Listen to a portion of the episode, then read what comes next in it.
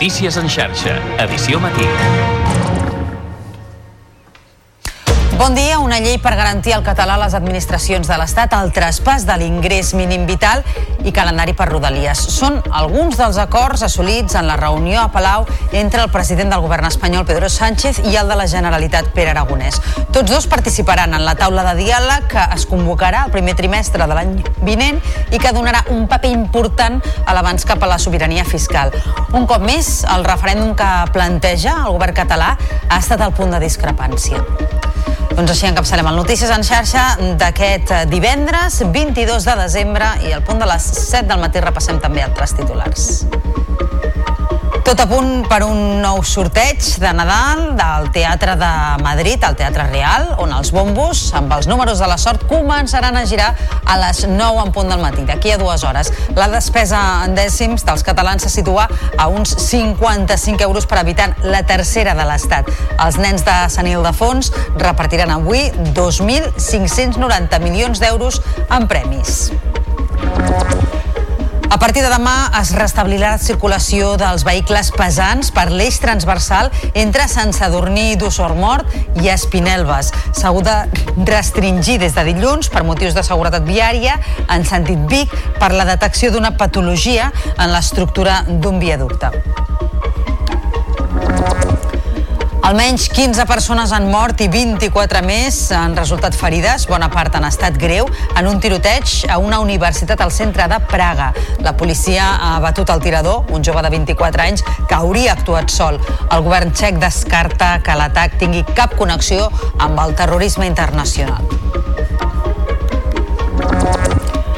Els bombers han extingit en les darreres hores l'incendi declarat en una empresa química del polígon industrial de Constantí, al Tarragonès. No ha causat danys personals, però va obligar a fer confinaments preventius a la zona industrial i a tallar el trànsit a les carreteres. I en esports, el Girona acaba l'any com a co-líder de primera divisió juntament amb el Real Madrid després d'empatar a 1 al camp del Cádiz i de la victòria dels blancs per 0 a 1 al camp del Betis. El gironín se'ls va escapar el triomf al tram final mentre que el Madrid va guanyar amb un gol al descompte. I en cultura, la Fundació Joan Miró prepara una exposició que posarà en diàleg l'artista barceloní amb el pintor Henry Matís. A la programació de l'any que ve també s'inclou un nou espai per a l'arxiu que permetrà descobrir obres poc conegudes pel gran públic. Repassats els titulars, obrim àrea de serveis. En primer lloc volem saber com se circula aquesta hora a les 7 del matí per la xarxa viària catalana. Per tant, connectem amb el RAC i amb l'Àlex Huguet. Molt bon dia. Molt bon dia, matí complicat a aquesta hora a la Ronda de Dalt de Barcelona per un accident en sentit sud entre la Vall d'Hebron i Vallcarca en sentit Llobregat. Ara està allà un carril i de moment ja s'hi acumulen més de 5 quilòmetres de congestió des del nus de la Trinitat. Lluny de l'àrea metropolitana de Barcelona eh, destaquem també l'N260 a Portbou en direcció a França, en aquest cas pel temporal de vents eh, forts, on està allà també la calçada i els trams habituals a banda de la incidència a la Ronda de Dalt per ara la circulació és fluida i tranquil·la tant als accessos a Barcelona com als punts complicats del Vallès i del Llobregat i a la Ronda Litoral sí que hi ha... Hi ha dos quilòmetres de cues en sentit sud per la Diagonal Mar i el Poble Nou. És tot des del RAC, bon dia. I ara tanquem portada amb la previsió del temps de cara a aquest divendres i també a la resta del cap de setmana ja nadalenc. Uh, Lluís Miquel Pérez, molt bon dia. Bon dia, ja som a l'hivern astronòmic i de moment ha començat amb força vent a les comarques especialment de Tarragona i del Pirineu, amb una temperatura de sensació de frescor per bé que no tenim gaires gelades, a hores d'ara també amb molts núvols baixos a la Catalunya central i de fet sobretot entre la vall del Cardener i el mig Segre amb alguna boira, també alguns núvols més gruixuts a les muntanyes de Tarragona i a l'Alt Pirineu. Aquesta tarda el vent continuarà bufant sobretot a les comarques de Tarragona, amb alguns núvols enganxats a la Catalunya central i l'interior de l'Ebre, i una temperatura que aquesta tarda acabarà sent molt agradable, fins i tot més que la d'ahir.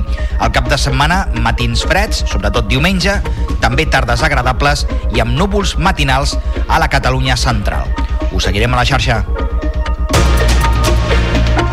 Notícies en xarxa, edició matí.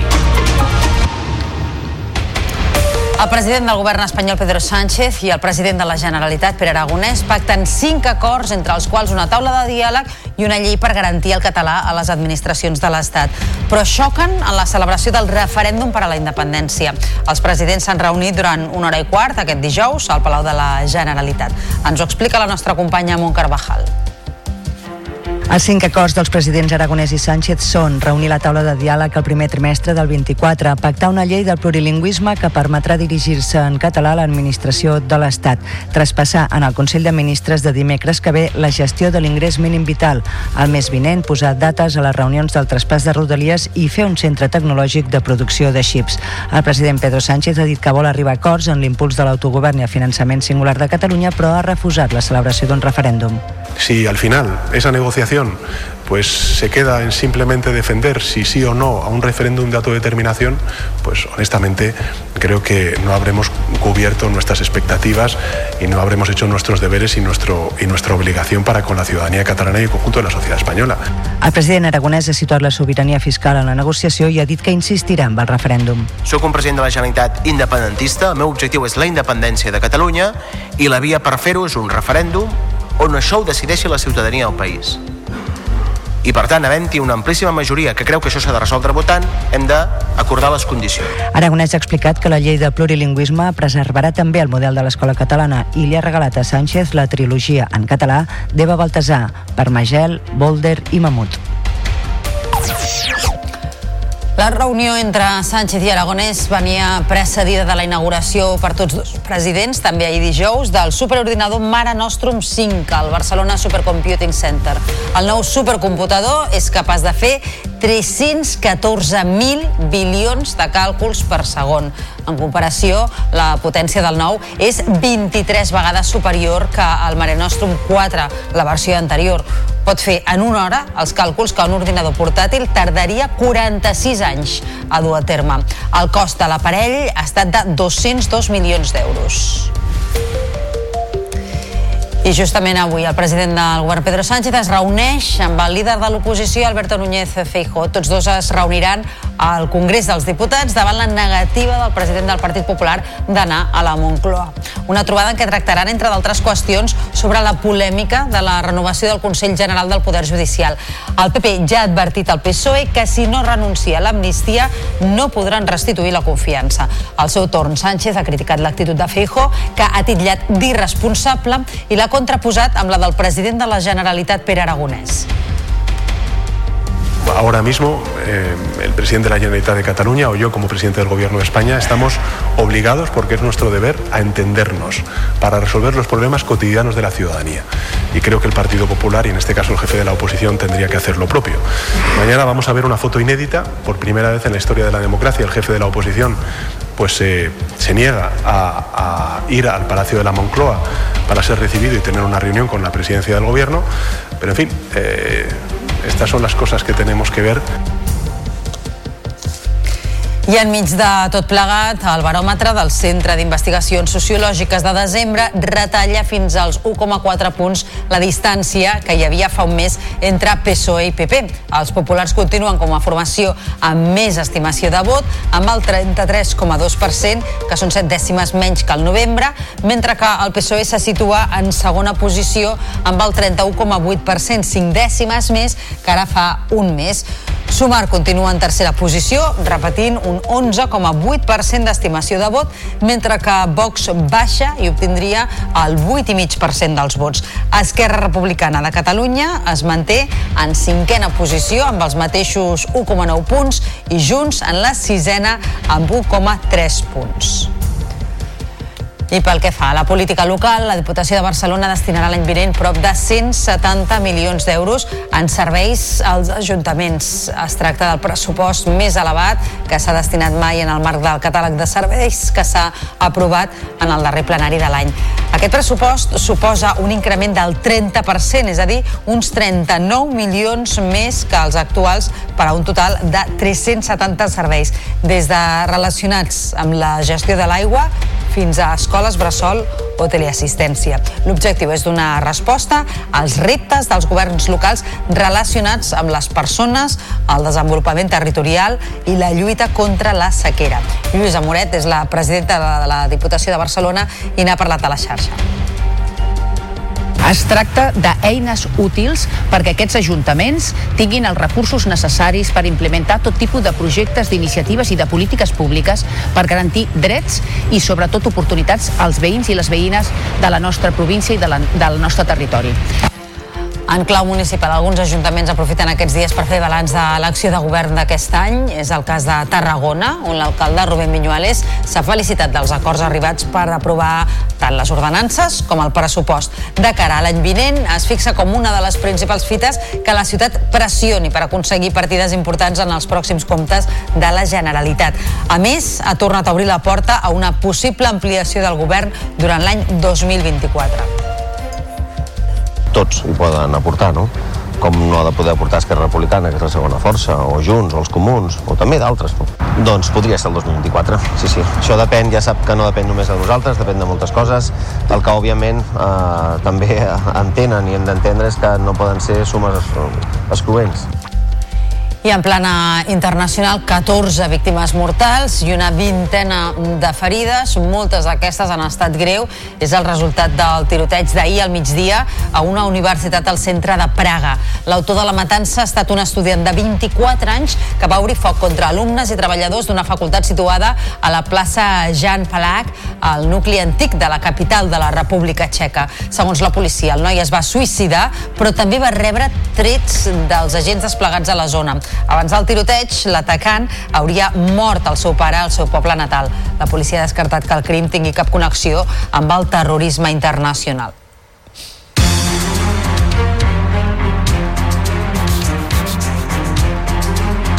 A les 9 del matí comença el tradicional sorteig de la grossa de Nadal. Enguany repartirà 2.590 milions d'euros en premis, 70 milions més que l'any passat.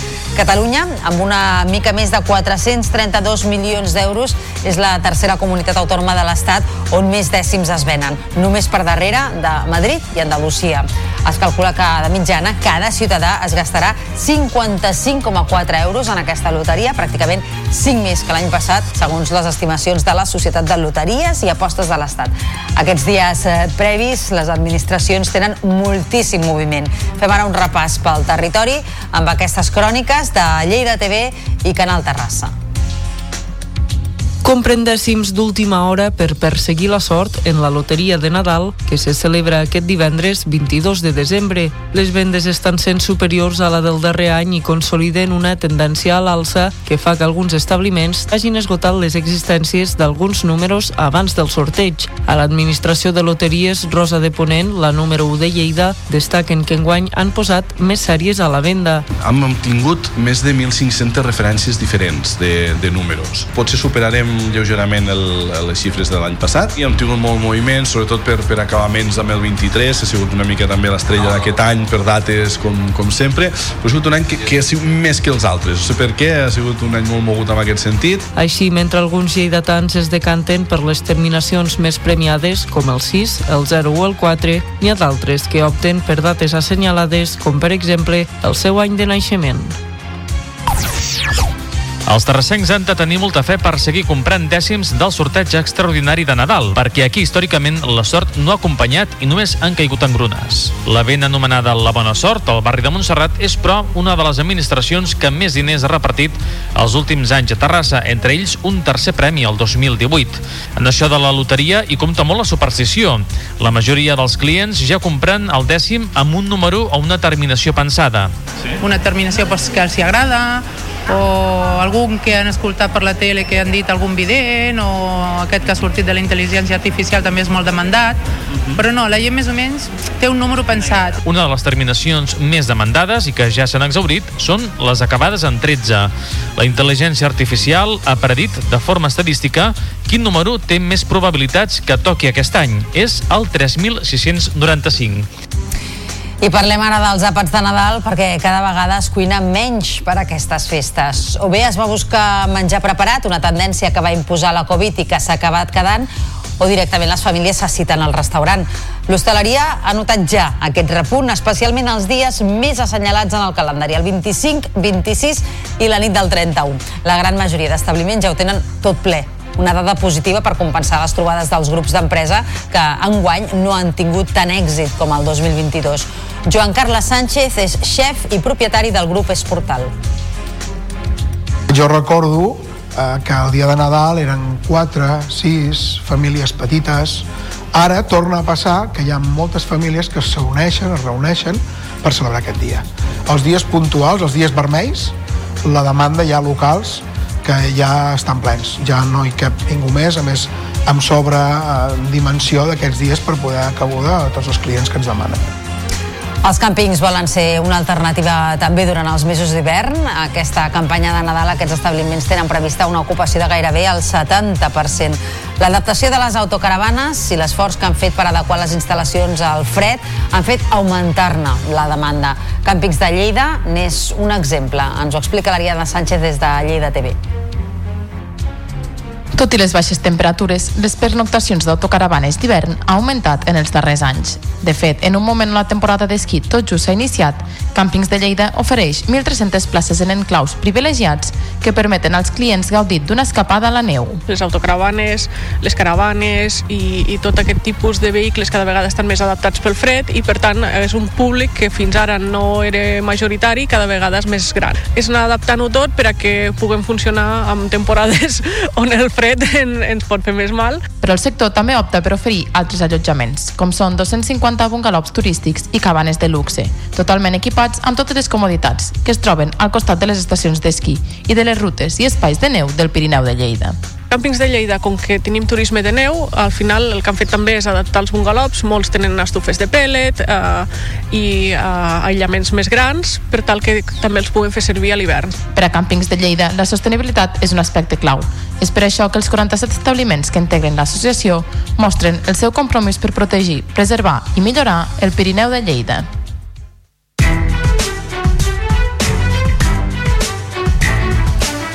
La Generalitat restablirà la circulació dels vehicles pesants de més de 30 tones per l'eix transversal al llarg del matí de demà entre Sant Sadurní d'Usurmort i Espinelves. El pas d'aquests vehicles va quedar restringit per motius de seguretat viària en sentit Vic dilluns passat arran de la detecció d'una patologia en l'estructura d'un viaducte. Amb aquesta actuació només quedaran afectats els transports especials amb una amplada superior als 4 metres en tots dos sentits de circulació. Requeriran d'un acompanyament tractament especial per part dels agents de trànsit dels Mossos d'Esquadra. En paral·lel, la Generalitat segueix treballant per determinar l'abast de la incidència en el viaducte, així com per determinar els treballs necessaris per la seva reparació. I un accident entre un camió grua i un turisme a la P7 entre Vandellós i l'Hospitalet de l'Infant va provocar ahir un mort i va obligar a tallar aquesta via en direcció Barcelona. El camió que circulava sentit sud va punxar una de les rodes, va creuar la mitjana, va envair la calçada en sentit contrari i va xocar contra un turisme que circulava en direcció nord. A causa del xoc, la copilot del turisme, una dona de 76 anys, va morir i el conductor va resultar ferit menys greu. Tots dos eren veïns de les Borges del Camp. El conductor del camió va resultar ferit il·lès i va donar negatiu en el test d'alcoholèmia i drogues. Els bombers van donar per extingit ahir a la nit l'incendi a l'empresa Azufrera i Fertilizantes Pallarès del polígon industrial de Constantí, al Tarragonès, sense que hi hagués cap ferit. Així, es va aixecar el confinament preventiu que s'havia detectat i es va desactivar la fase d'alerta del pla secta, deixant activada la de prealerta.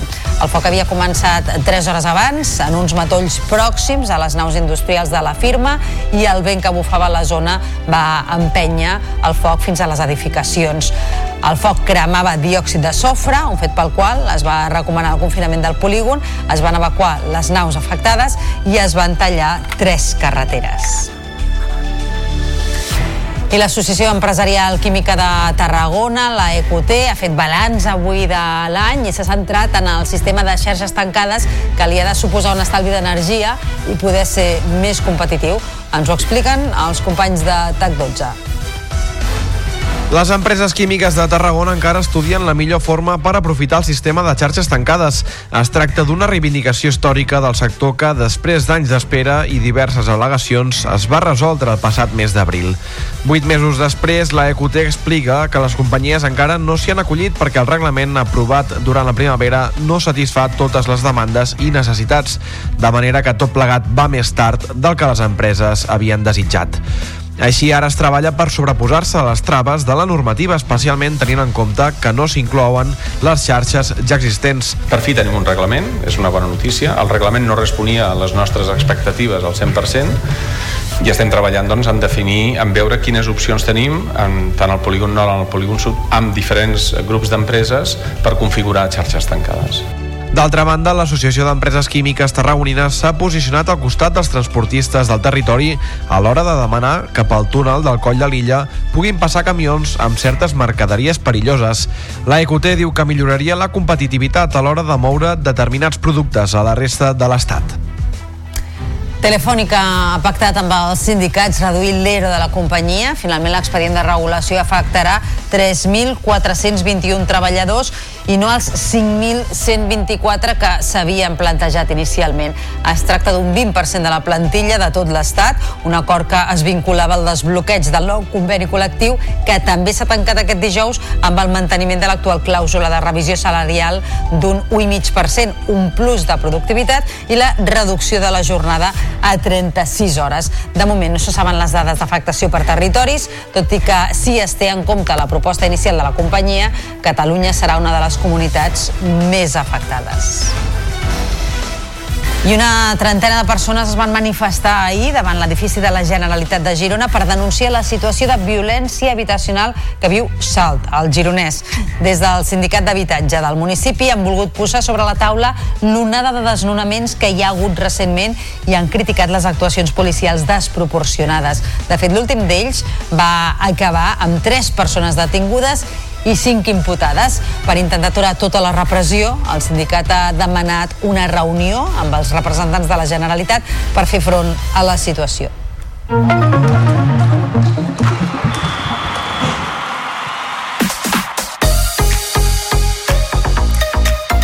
Girona acaba l'any com a co-líder de primera divisió juntament amb el Real Madrid després d'empatar a 1 al camp del Cádiz i de la victòria dels blancs per 0 a 1 al camp del Betis. El Benito Villamarín, els gironins es van avançar gràcies a un penal sobre Savinho que va transformar Dovic abans del descans. Al segon temps, els de Mitchell no van saber tancar el partit i el Betis no es va rendir fins que al 88 Petzela va fer l'empat, malgrat deixar escapar dos punts el técnic es mostrava satisfet.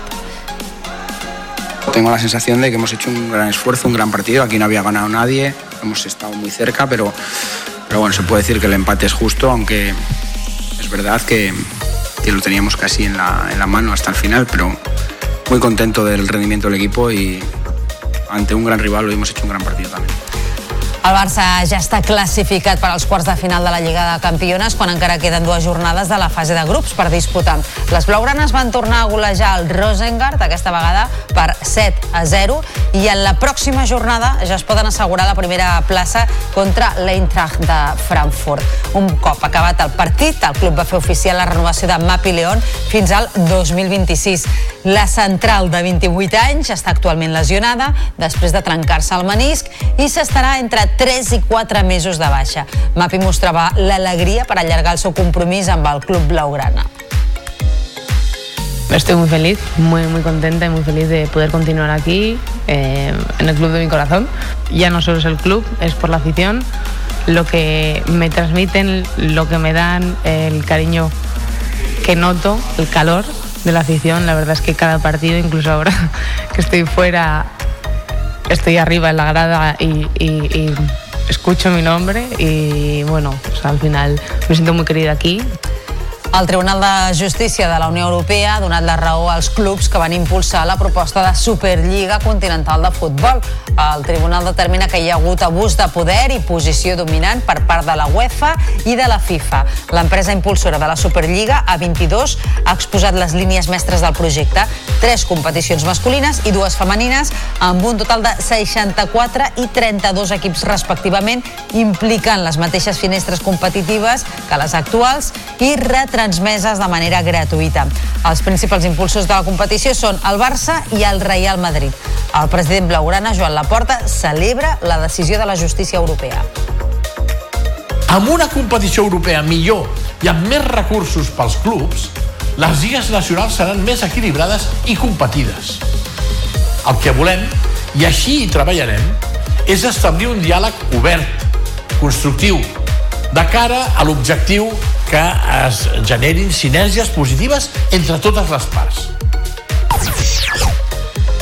A tot això, aquesta matinada el Barça ha perdut per 3 a 2 davant l'americà de l'Amèrica de Mèxic en un amistós disputat a Dallas. La Yamal ha obert el marcador mentre que Marc Guiu ha tornat a avançar els blaugranes que finalment han acabat caient. L'equip torna a Barcelona per iniciar ara les vacances de Nadal. I el Barça visita els Alguiris lituà a les 7, a la setzena jornada de l'Eurolliga, la penúltima de la primera volta. Els blaugranes buscaran refer-se de la derrota de dimarts a la pista de l'Alba de Berlín, una desfeta que ha deixat l'equip tercer a un triomf de la Virtus a la segona plaça. Els Alguiris és antepenúltim i encadena quatre derrotes a la competició continental.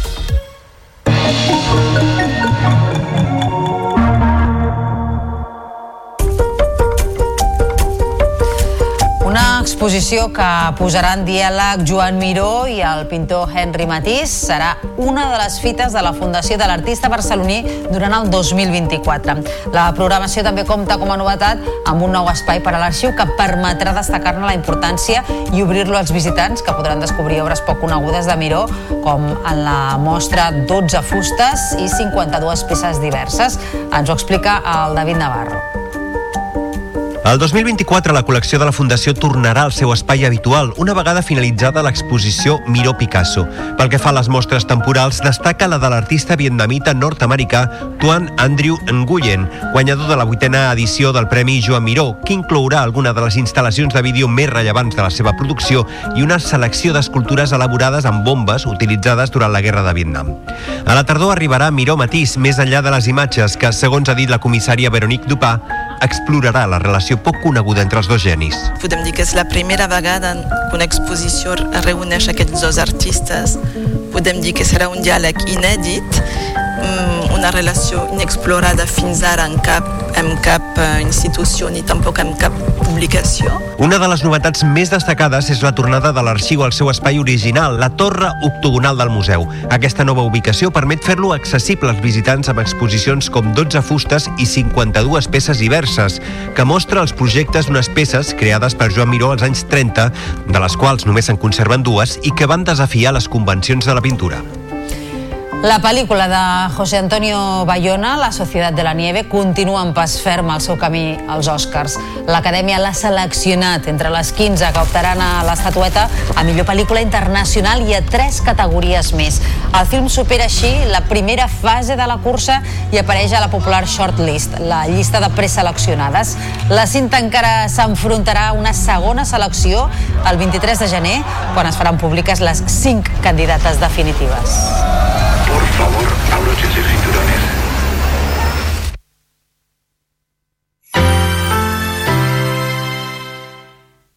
La xarxa de comunicació local. Propostes en xarxa. Torrons, neules, pessebres vivents, tions i reis... El nostre Nadal té molts elements imprescindibles, però si n'hi ha un que té una versió diferent a cada racó de Catalunya, són els pastorets.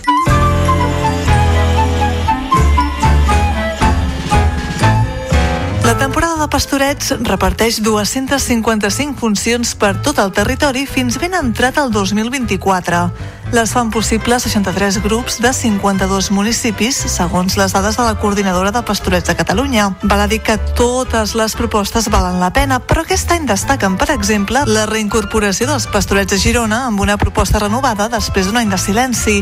Els de Ripoll fan 125 anys i els de Figueres i els de l'Orfeó Martinenc celebren el seu centenari. Per la seva banda, els pastorets de Balsareny arriben als 75 anys i a Pals estrenen una versió del clàssic amb empremta del segle XXI. Són els pastorets de casa nostra, de Roc Esquius i Miquel. I és que els pastorets són una cita indispensable del calendari nadalenc català, molt familiar, plena de vigència i una tradició que es contagia entre generacions, a més a més de treure persones de totes les edats.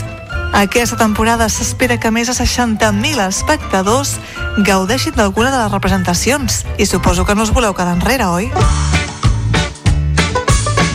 Els pastorets s'escampen arreu de Catalunya fins a finals de gener. Podeu consultar-ne totes les representacions al web pastoretsdecatalunya.cat.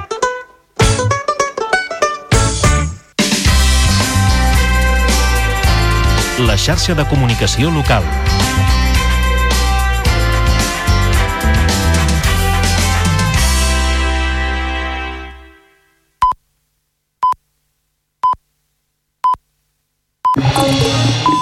Notícies en xarxa, edició matí. Amb Taís Trujillo.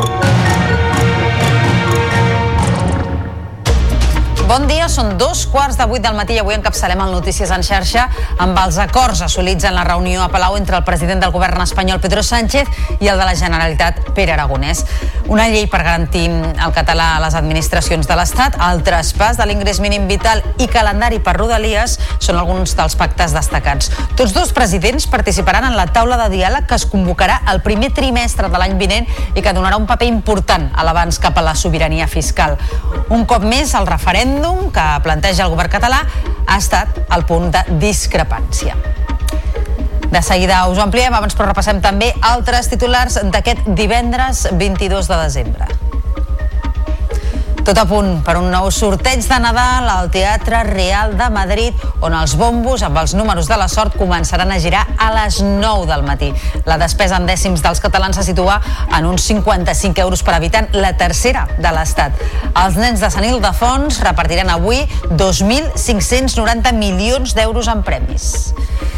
En uns minuts sabrem què hem de fer, si som afortunats, perquè parlarem amb Josep Maria Noguera, que és membre de l'Associació Professional de Tècnics Tributaris de Catalunya i Balears.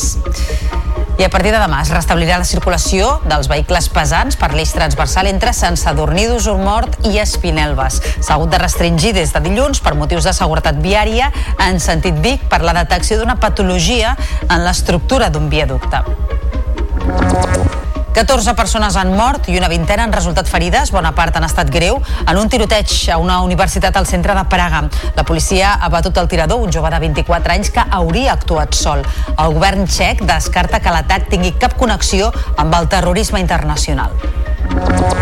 Els bombers han extingit en les darreres hores l'incendi declarat en una empresa química del polígon industrial de Constantí, al Tarragonès. No ha causat danys personals, però va obligar a fer confinaments preventius a la zona industrial i a tallar el trànsit a tres carreteres. I en esports, el Girona acaba l'any com a co-líder de primera divisió juntament amb el Real Madrid després d'empatar a 1 al camp del Cádiz i de la victòria dels blancs per 0 a 1 al camp del Betis.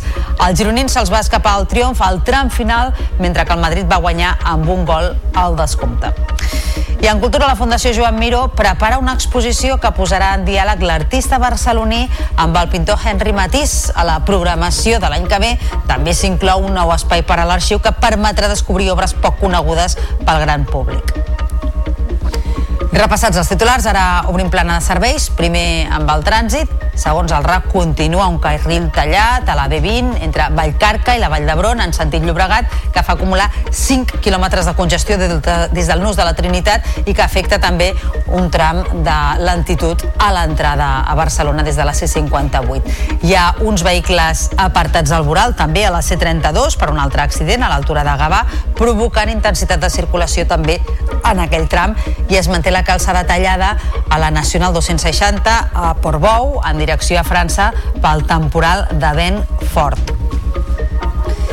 I pel que fa al temps, el primer dia de l'hivern no portarà de moment un fred gaire intens. El Servei Meteorològic de Catalunya ha activat l'avís per vent fins al migdia i els núvols més gruixuts estaran a la Catalunya central. A la resta del país lluirà el sol. La tarda serà assolellada fins i tot a la Vall d'Aran.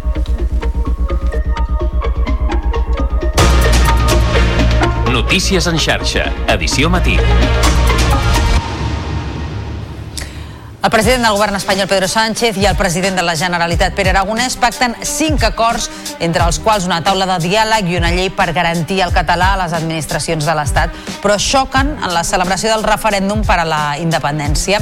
Els presidents s'han reunit durant una hora i quart aquest dijous al Palau de la Generalitat. Ens ho explica la nostra companya Mont Carvajal. Els cinc acords dels presidents Aragonès i Sánchez són reunir la taula de diàleg el primer trimestre del 24, pactar una llei del plurilingüisme que permetrà dirigir-se en català a l'administració de l'Estat, traspassar en el Consell de Ministres de dimecres que ve la gestió de l'ingrés mínim vital, el mes vinent posar dates a les reunions del traspàs de Rodalies i fer un centre tecnològic de producció de xips. El president Pedro Sánchez ha dit que vol arribar a acords en l'impuls de l'autogovern i el finançament singular de Catalunya, però ha refusat la celebració d'un referèndum. Si al final esa negociación pues se queda en simplemente defender si sí o no a un referéndum de autodeterminación, pues honestamente creo que no habremos cubierto nuestras expectativas y no habremos hecho nuestros deberes y, nuestro, y nuestra obligación para con la ciudadanía catalana y el conjunto de la sociedad española. El president aragonès ha situat la sobirania fiscal en la negociació i ha dit que insistirà amb el referèndum. Soc un president de la Generalitat independentista, el meu objectiu és la independència de Catalunya i la via per fer-ho és un referèndum on això ho decideixi la ciutadania del país. I per tant, havent-hi una amplíssima majoria que creu que això s'ha de resoldre votant, hem d'acordar les condicions. Aragonès ha explicat que la llei de plurilingüisme preservarà també el model de l'escola catalana i li ha regalat a Sánchez la trilogia en català d'Eva Baltasar, Parmagel, Boulder i Mamut. La reunió entre Sánchez i Aragonès venia precedida de la inauguració per tots dos presidents també ahir dijous del superordinador Mare Nostrum 5 al Barcelona Supercomputing Center. El nou supercomputador és capaç de fer 314.000 bilions de càlculs per segon. En comparació, la potència del nou és 23 vegades superior que la del Mare Nostrum 4, la versió anterior. Pot fer en una hora els càlculs que un ordinador portàtil tardaria 46 anys a fer. El cost de l'aparell ha estat de 202 milions d'euros. I justament avui el president del govern Pedro Sánchez es reuneix amb el líder de l'oposició, Alberto Núñez Feijóo. Tots dos es trobaran al Congrés dels Diputats davant la negativa del president del Partit Popular d'anar a la Moncloa. Una trobada en què tractaran, entre d'altres qüestions, sobre la polèmica de la renovació del Consell General del Poder Judicial. El PP ja ha advertit al PSOE que si no renuncia a l'amnistia no podran restituir la confiança. Al seu torn, Sánchez ha criticat l'actitud de Feijóo, que ha titllat d'irresponsable, i l'ha contraposat amb la del de la Generalitat, Pere Aragonès. Ahora mismo, eh, el presidente de la Generalitat de Cataluña o yo como presidente del Gobierno de España estamos obligados, porque es nuestro deber, a entendernos para resolver los problemas cotidianos de la ciudadanía. Y creo que el Partido Popular, y en este caso el jefe de la oposición, tendría que hacer lo propio. Mañana vamos a ver una foto inédita, por primera vez en la historia de la democracia, el jefe de la oposición pues eh, se niega a, ir al Palacio de la Moncloa para ser recibido y tener una reunión con la presidencia del gobierno, pero en fin, eh, estas son las cosas que tenemos que ver. I enmig de tot plegat, el baròmetre del Centre d'Investigacions Sociològiques de desembre retalla fins als 1,4 punts la distància que hi havia fa un mes entre PSOE i PP. Els populars continuen com a formació amb més estimació de vot, amb el 33,2%, 7 dècimes menys que el novembre, mentre que el PSOE se situa en segona posició amb el 31,8%, 5 dècimes més que ara fa un mes. La distància entre les dues formacions és ara d'1,4 punts, mentre que fa un mes era de 2,6. Sumar continua en tercera posició amb l'11,8% d'estimació de vot, exactament igual que ara fa un mes, mentre que Vox obtindria el 8,5% dels vots, 1,5 punts menys que al novembre i Esquerra Republicana de Catalunya es manté en cinquena posició amb els mateixos 1,9 punts d'estimació de vot que ja tenia i Junts en la sisena amb 1,3 punts, una dècima menys que en l'anterior baròmetre. I en clau internacional, 14 víctimes mortals i una vintena de persones ferides, moltes d'aquestes en estat greu. És el resultat del tiroteig d'ahir al migdia a una universitat al centre de Praga. L'autor de la matança ha estat un estudiant de 24 anys que va obrir foc contra alumnes i treballadors d'una facultat situada a la plaça Jan Palak, al nucli antic de la capital de la República Txeca. Segons la policia, el noi es va suïcidar, però també va rebre trets dels agents desplegats a la zona. Abans del tiroteig, l'atacant hauria mort el seu pare al seu poble natal. La policia ha descartat que el crim tingui cap connexió amb el terrorisme internacional.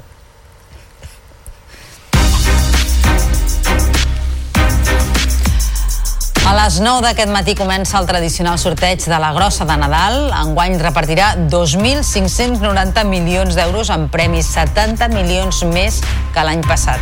Catalunya és la tercera comunitat autònoma de l'Estat on més dècims es venen, només per darrere de Madrid i Andalusia. Es calcula que mitjana cada català es gasta 55,4 euros en aquesta loteria, pràcticament 5 més que l'any passat, segons les estimacions de la Societat de Loteries i Apostes de l'Estat. Aquests dies previs, les administracions han tingut moltíssim moviment. Fem un repàs pel territori amb aquestes cròniques de Vallès Visió i Lleida TV. La Marta Nicolau és la propietària de l'administració de loteria Maite de Martorelles. En aquest establiment venen, entre altres dècims, aquests procedents de diferents ciutats d'Espanya, com per exemple València. Es tracta del dècim viatger.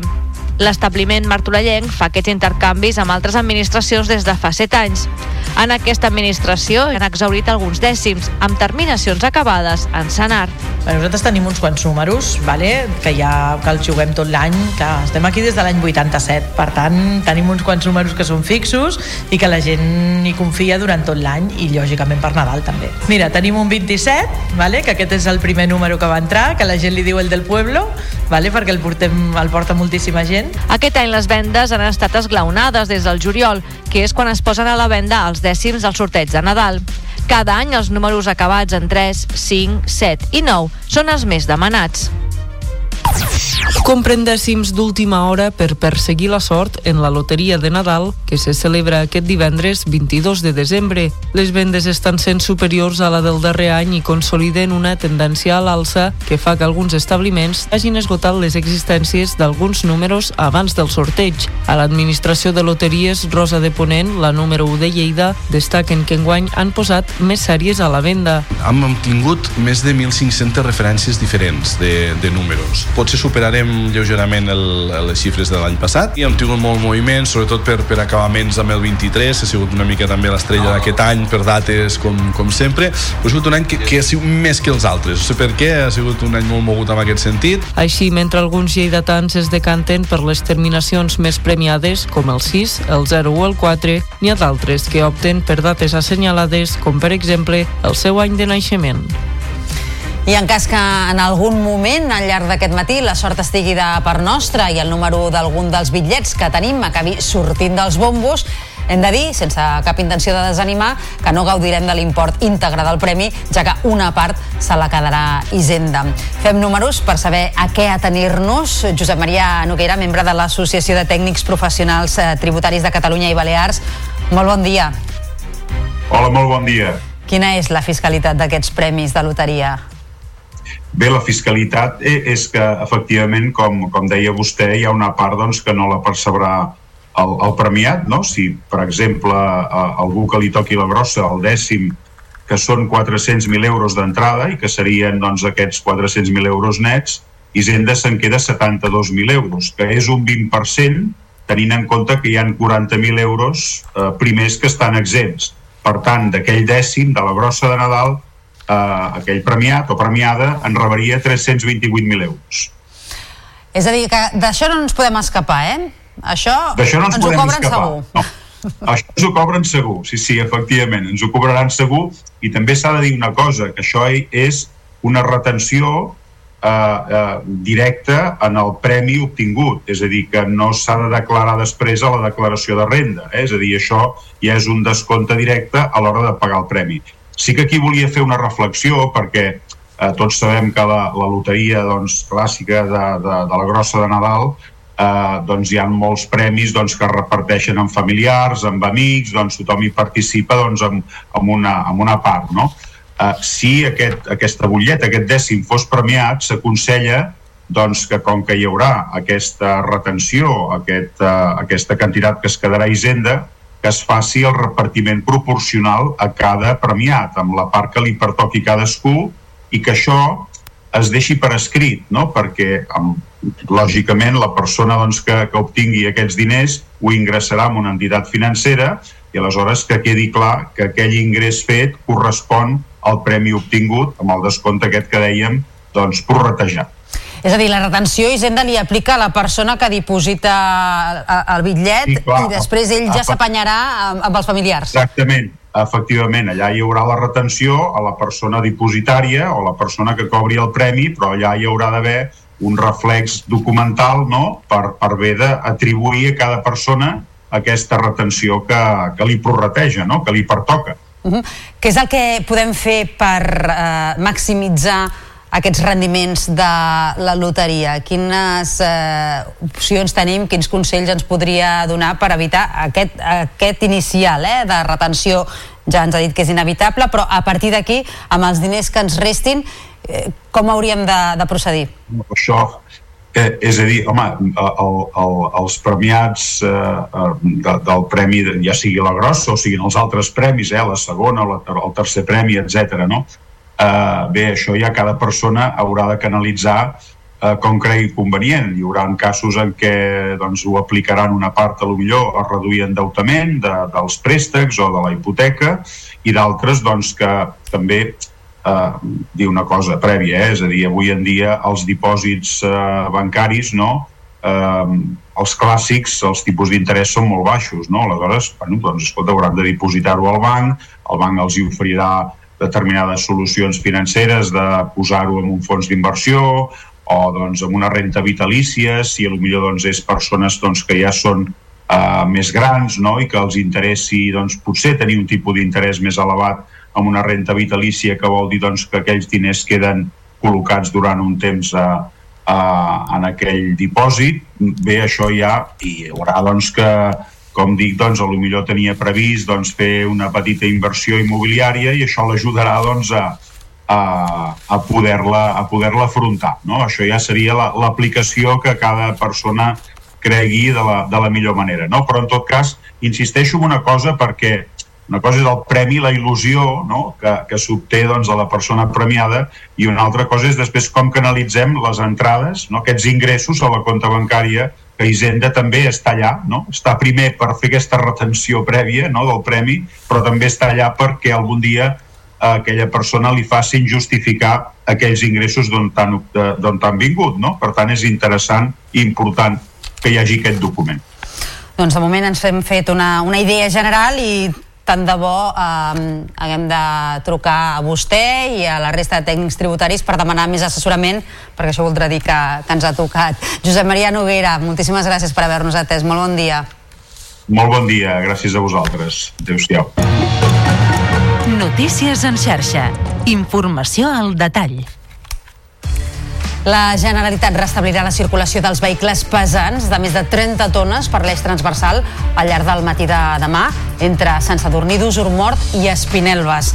El pas d'aquests vehicles va quedar restringit per motius de seguretat viària en sentit Vic dilluns passat arran de la detecció d'una patologia en l'estructura d'un viaducte. Amb aquesta actuació només quedaran afectats els transports especials amb una amplada superior als 4 metres en tots dos sentits de circulació. Requeriran d'un acompanyament especial per part dels agents de trànsit dels Mossos d'Esquadra. En paral·lel, la Generalitat segueix treballant per determinar l'abast de la incidència en el viaducte, així com per a determinar els treballs necessaris per la seva reparació. Un accident entre un camió grua i un turisme a la P7 entre Vandellós i l'Hospitalet de l'Infant va provocar ahir un mort i va obligar a tallar aquesta via en direcció Barcelona. El camió que circulava en sentit sud va punxar una de les rodes, va creuar la mitjana, va envair la calçada en sentit contrari i va xocar contra un turisme que circulava en direcció nord. A causa de l'impacte, la copilot del turisme, una dona de 76 anys, va morir i el conductor va resultar ferit menys greu. Tots dos eren veïns de les Borges del Camp. El conductor del camió va donar negatiu en el test d'alcoholèmia i drogues. Els bombers van donar per extingit ahir a la nit l'incendi a l'empresa Azufrera i Fertilizantes Pallarès del polígon industrial de Constantí, al Tarragonès, sense que hi hagués cap ferit. Així es va aixecar el confinament preventiu que s'havia decretat i es va desactivar la fase d'alerta del pla secta, deixant activada la de prealerta. El foc havia començat 3 hores abans en uns matolls pròxims a les naus industrials de la firma i el vent que bufava a la zona el va empènyer fins a les edificacions. El foc cremava diòxid de sofre, un fet pel qual es va recomanar el confinament del polígon, es van evacuar les naus afectades i es van tallar tres carreteres. I una bona notícia abans de passar als esports, perquè els asturions ja tornen a nedar pel riu Ebre mig segle després de la seva desaparició. Els han portat des de França. S'han passat uns 20 dies aclimatant-se a l'Irta de la Ràpita i ara ja s'han alliberat al riu una quarantena d'exemplars. A través d'uns xips s'aniran monitoritzant per saber on estan en cada moment. Ens ho expliquen des de Canal T. Fa més de mig segle els esturions van anar desapareixent del riu Ebre a causa de la pesca descontrolada, els depredadors i els obstacles dels assuts i les preses. Ara, després d'anys de feina, s'han pogut alliberar a l'assut de Xerta i Tivenys els primers exemplars. Se tracta del projecte Life Migrato Ebre. Els 40 esturions alliberats s'han anat a buscar a França i han estat des de principis de desembre aclimatant-se a l'Irta de la Ràpita. Avui és un dia històric pel riu Ebre i un dia importantíssim pel projecte Life Migrato Ebre perquè per fi eh, se retornaran al riu los asturions europeus, una espècie de peixos eh, molt antiga que, com sabreu alguns, eh, existeixen des de l'època dels dinosaures i que fins a mitjans segle XX van viure a, al riu Ebre. Tot i això, els esturions no se trobaran amb el mateix riu que quan vivien fa més de mig segle. Ara, amb menys cabal, més depredadors, però menys contaminació.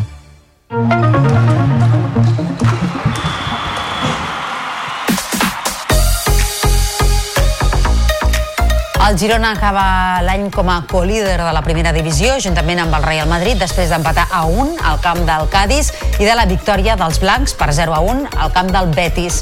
Dovic, de penal, va avançar els gironins, mentre que Petzela va empatar al minut 88. Malgrat deixar escapar dos punts, el tècnic es mostrava satisfet.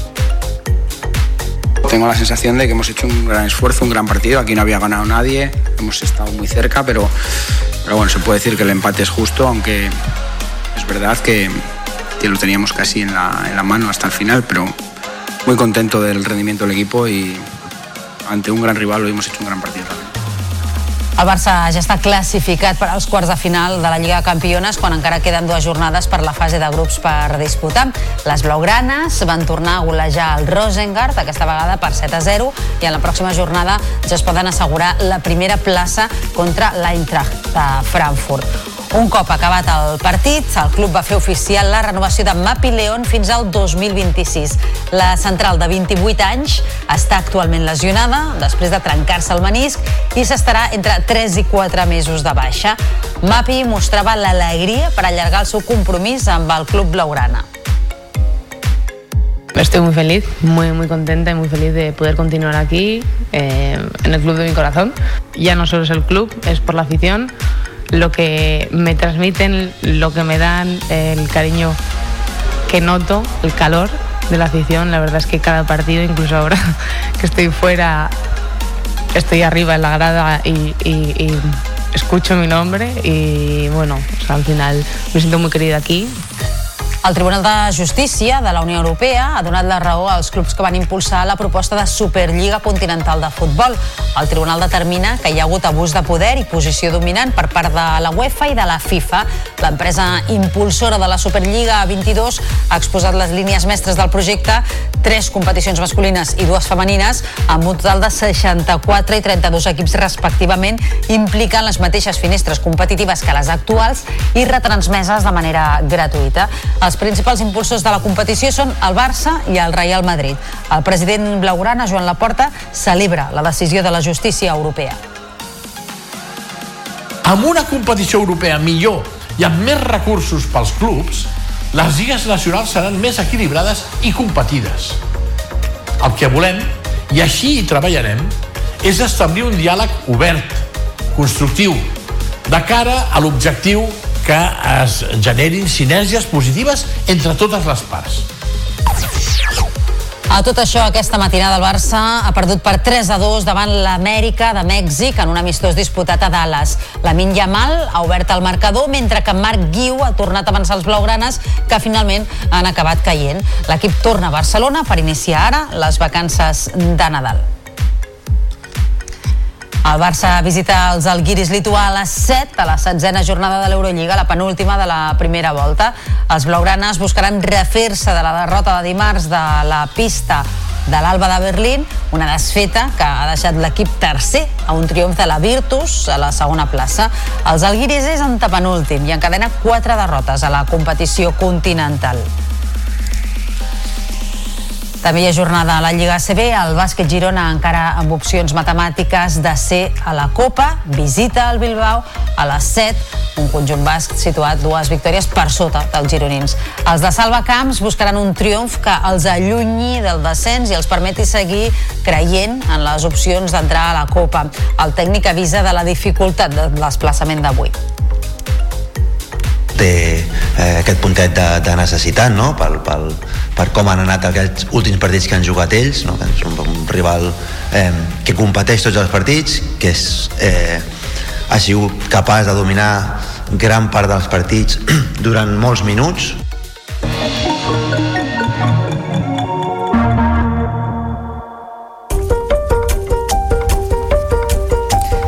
Una exposició que posarà en diàleg Joan Miró i el pintor Henry Matís serà una de les fites de la Fundació de l'Artista Barceloní durant el 2024.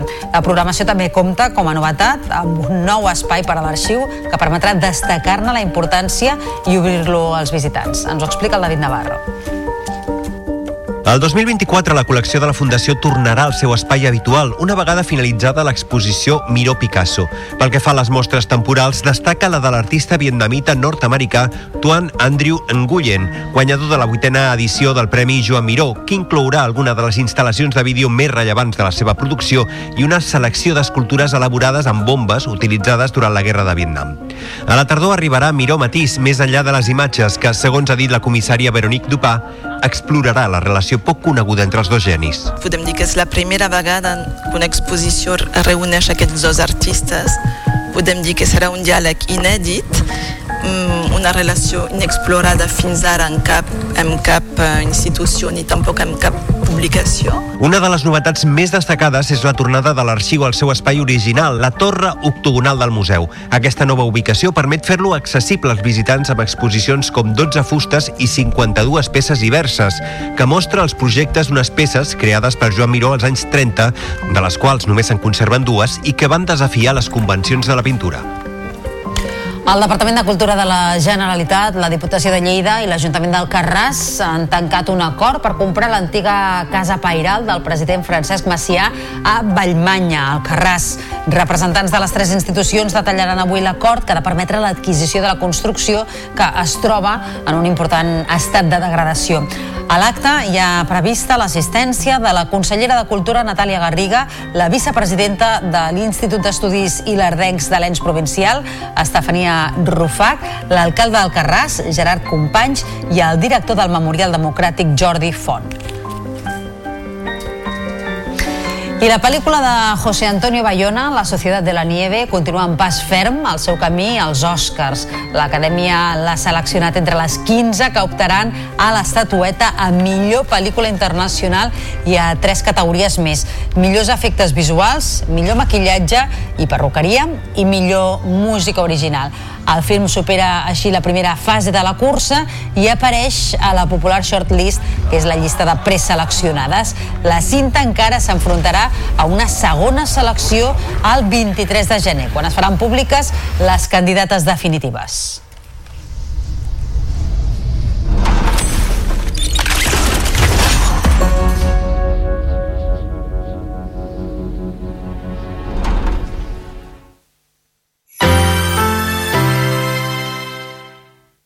La xarxa de comunicació local.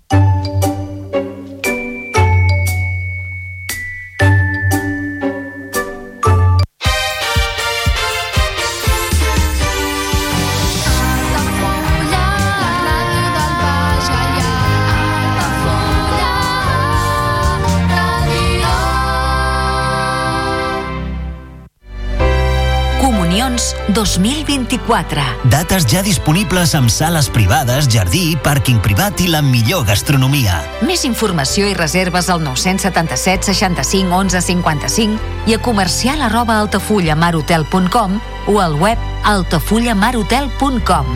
Les teves celebracions familiars a l'Altafulla Mar Hotel. Carrer Major, el programa de les emissores del Camp de Tarragona. Cada dia de 4 a 6 de la tarda, el que passa al Camp de Tarragona t'ho expliquem amb la major redacció d'un programa de territori quilòmetre zero. Periodisme de proximitat, continguts de qualitat, amb Anna Plaza i Toni Mateos. Carrer Major.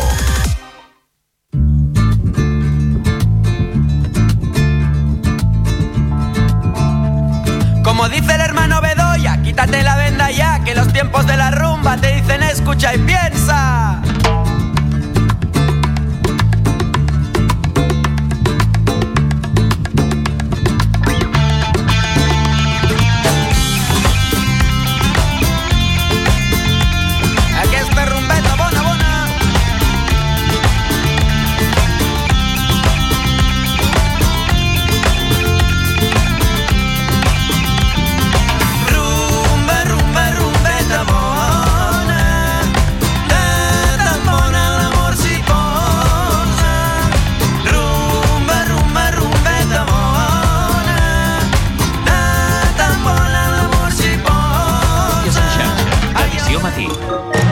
Amb Taís Trujillo.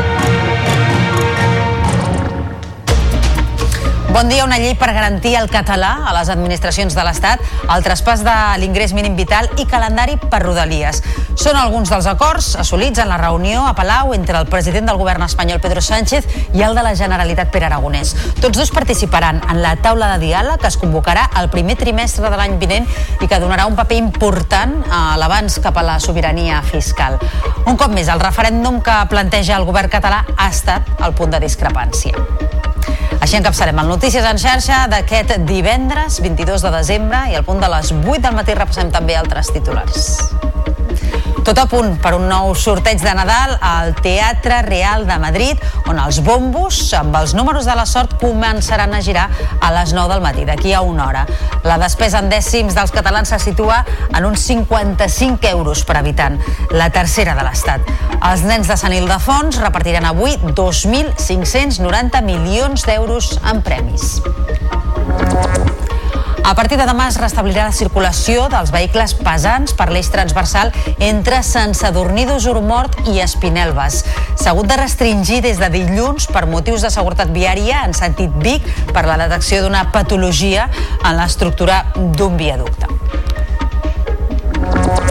14 persones han mort i una vintena han resultat ferides, bona part han estat greu, en un tiroteig a una universitat del centre de Praga. La policia ha batut el tirador, un jove de 24 anys que hauria actuat sol. El govern txec descarta que l'atac tingui cap connexió amb el terrorisme internacional. Els bombers han extingit en les darreres hores l'incendi declarat en una empresa química del polígon industrial de Constantí, al Tarragonès. No ha causat danys personals, però va obligar a fer confinaments preventius a la zona industrial i a tallar el trànsit a tres carreteres. I en esports, el Girona acaba l'any com a co-líder de primera divisió, juntament amb el Real Madrid, després d'empatar un al camp del Betis i de la victòria dels blancs per 0 a 1 al camp de l'Alavés. Al gironins se'ls va escapar el triomf al tram final, mentre que el Madrid va guanyar amb un gol al descompte. I en cultura, la Fundació Joan Miró prepara una exposició que posarà en diàleg l'artista barceloní amb el pintor Henri Matís. A la programació de l'any que ve també s'inclou un nou espai per a l'arxiu que permetrà descobrir obres poc conegudes pel gran públic. Repassats els titulars, ara obrim àrea de serveis. Volem saber com se circula a aquesta hora, a les 8 del matí, per la xarxa viària. Per tant, connectem amb el Servei Català de Trànsit. Roger Serra, molt bon dia. Hola, què tal? Bon dia. Doncs la veritat és que en general parlem de molta calma en aquesta xarxa viària. Hi ha molt menys volum de trànsit del que és habitual a aquesta hora. El problema és que hi ha hagut una incidència a la zona del nus de la Trinitat i totes les vies que enllacen amb aquest nus sí que presenten retencions. És un accident a tocar del nus, venint des de la ronda litoral. Això afecta la mateixa ronda. Aquí sí que hi ha aturades, des de Gran Via fins a aquest nus de la Trinitat, sentit Besòs. També afecta la pota nord, a la B20, retencions des del túnel de Santa Coloma. Afecta la ronda de dalt, també en sentit Besòs, des de la zona de Guinaueta, aproximadament, i just al darrer tram de la C58 d'entrada a Barcelona. Per tant, a l'extrem nord de Barcelona sí que hi ha problemes, com us dèiem, a causa d'un accident a tocar del nus de la Trinitat. En canvi, a la resta de la xarxa viària parlem de circulació molt i molt tranquil·la. I ara tanquem portada amb la previsió del temps. Eh, Lluís Miquel Pérez, molt bon dia. Com ha arrencat l'hivern? Bon dia, Taís. Doncs de moment amb un fred podríem dir molt light, perquè a hores d'ara només hi ha alguna gelada molt tímida en alguns indrets de la Catalunya central, cap al Mollanès, per exemple, també a Osona, al Lluçanès, en algunes comarques mm, del nord de Barcelona, però en general el que fa és vent i sí que la sensació és de fresca, per bé que no baixa tant aquesta temperatura. Aquest matí aquest vent que serà molt més intens al Pirineu i també a les comarques de Tarragona, al igual que al nord de Castelló, i tot plegat amb aquest cel pentinat pels núvols de vent que van deixant sortida de sol molt maca i també núvols una mica més baixos, més amenaçadors, que tindrem a la Catalunya central, cap a l'altiplà central, fins i tot amb alguna boira. Aquesta tarda aquests núvols en gran mesura s'aniran desfent, quedaran alguns de replegats aquí a la Catalunya central, també al nord del Pirineu, continuarà el vent a Tarragona i la tarda serà molt suau, al igual que les tardes del cap de setmana. Sí que és cert que el cap de setmana també Nadal, Sant Esteve portaran més boira i en general, Taís, l'anticicló es menjarà els torrons amb nosaltres, també el raïm i probablement li hauran de portar carbó durant Reis. N'estarem pendents a la xarxa. Notícies en xarxa, edició matí. El president del govern espanyol, Pedro Sánchez, i el president de la Generalitat, Pere Aragonès, pacten cinc acords, entre els quals una taula de diàleg i una llei per garantir el català a les administracions de l'Estat. Però xoquen en la celebració del referèndum per la independència. Els presidents s'han reunit durant una hora i un quart aquest dijous al Palau de la Generalitat. Ens ho explica la nostra companya Mont Carvajal. Els cinc acords dels presidents Aragonès i Sánchez són reunir la taula de diàleg el primer trimestre del 24, pactar una llei del plurilingüisme que permetrà dirigir-se en català a l'administració de l'Estat, traspassar en el Consell de Ministres de dimecres que ve la gestió de l'ingrés mínim vital, el mes vinent posar dates a les reunions del traspàs de Rodalies i fer un centre tecnològic de producció de xips. El president Pedro Sánchez ha dit que vol arribar a acords en l'impuls de l'autogovern i el finançament singular de Catalunya, però ha refusat la celebració d'un referèndum. Si al final esa negociación pues se queda en simplemente defender si sí o no a un referéndum de autodeterminación, pues honestamente creo que no habremos cubierto nuestras expectativas y no habremos hecho nuestros deberes y, nuestro, y nuestra obligación para con la ciudadanía catalana y el conjunto de la sociedad española. El president aragonès ha situat la sobirania fiscal en la negociació i ha dit que insistirà amb el referèndum. Soc un president de la Generalitat independentista, el meu objectiu és la independència de Catalunya i la via per fer-ho és un referèndum on això ho decideixi la ciutadania del país.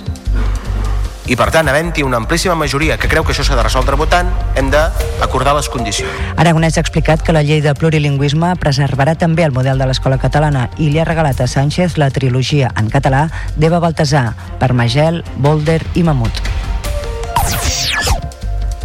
La reunió entre Sánchez i Aragonès venia precedida de la inauguració per tots dos presidents, també ahir dijous, del superordinador Mare Nostrum 5 al Barcelona Supercomputing Center.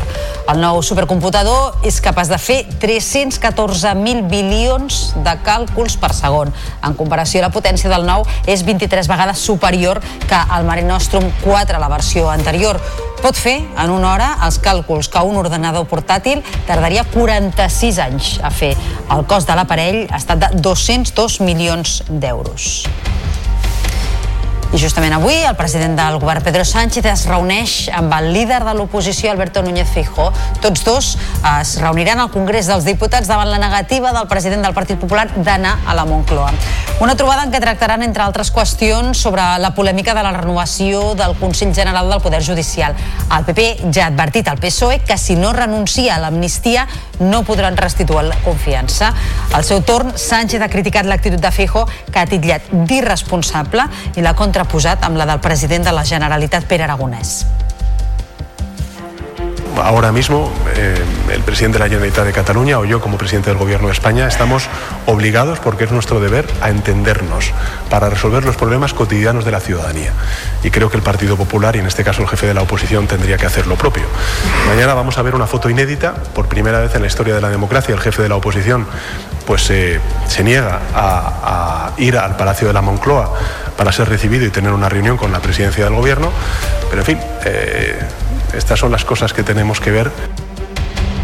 I enmig de tot plegat, el baròmetre del Centre d'Investigacions Sociològiques de desembre retalla fins als 1,4 punts la distància que hi havia fa un mes entre PSOE i PP.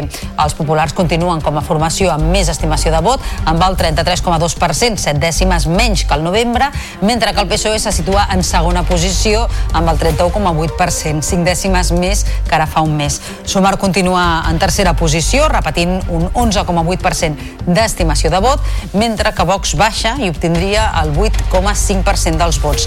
Esquerra es manté en cinquena posició amb els mateixos 1,9 punts i Junts en la sisena amb 1,3 punts. I en clau internacional hem de parlar de 14 víctimes mortals i una vintena de persones ferides, moltes han estat greu i és el resultat aquest del tiroteig d'ahir al migdia a una universitat al centre de Praga. L'autor de la matança ha estat un estudiant de 24 anys que va obrir foc contra alumnes i treballadors d'una facultat situada a la plaça Jan Palach, al nucli antic de la capital de la República Txeca. Segons la policia, el noi es va suïcidar, però també va rebre trets dels agents desplegats a la zona. Abans del tiroteig, l'atacant hauria mort el seu pare al seu poble natal. La policia ha descartat que el crim tingui cap connexió amb el terrorisme internacional.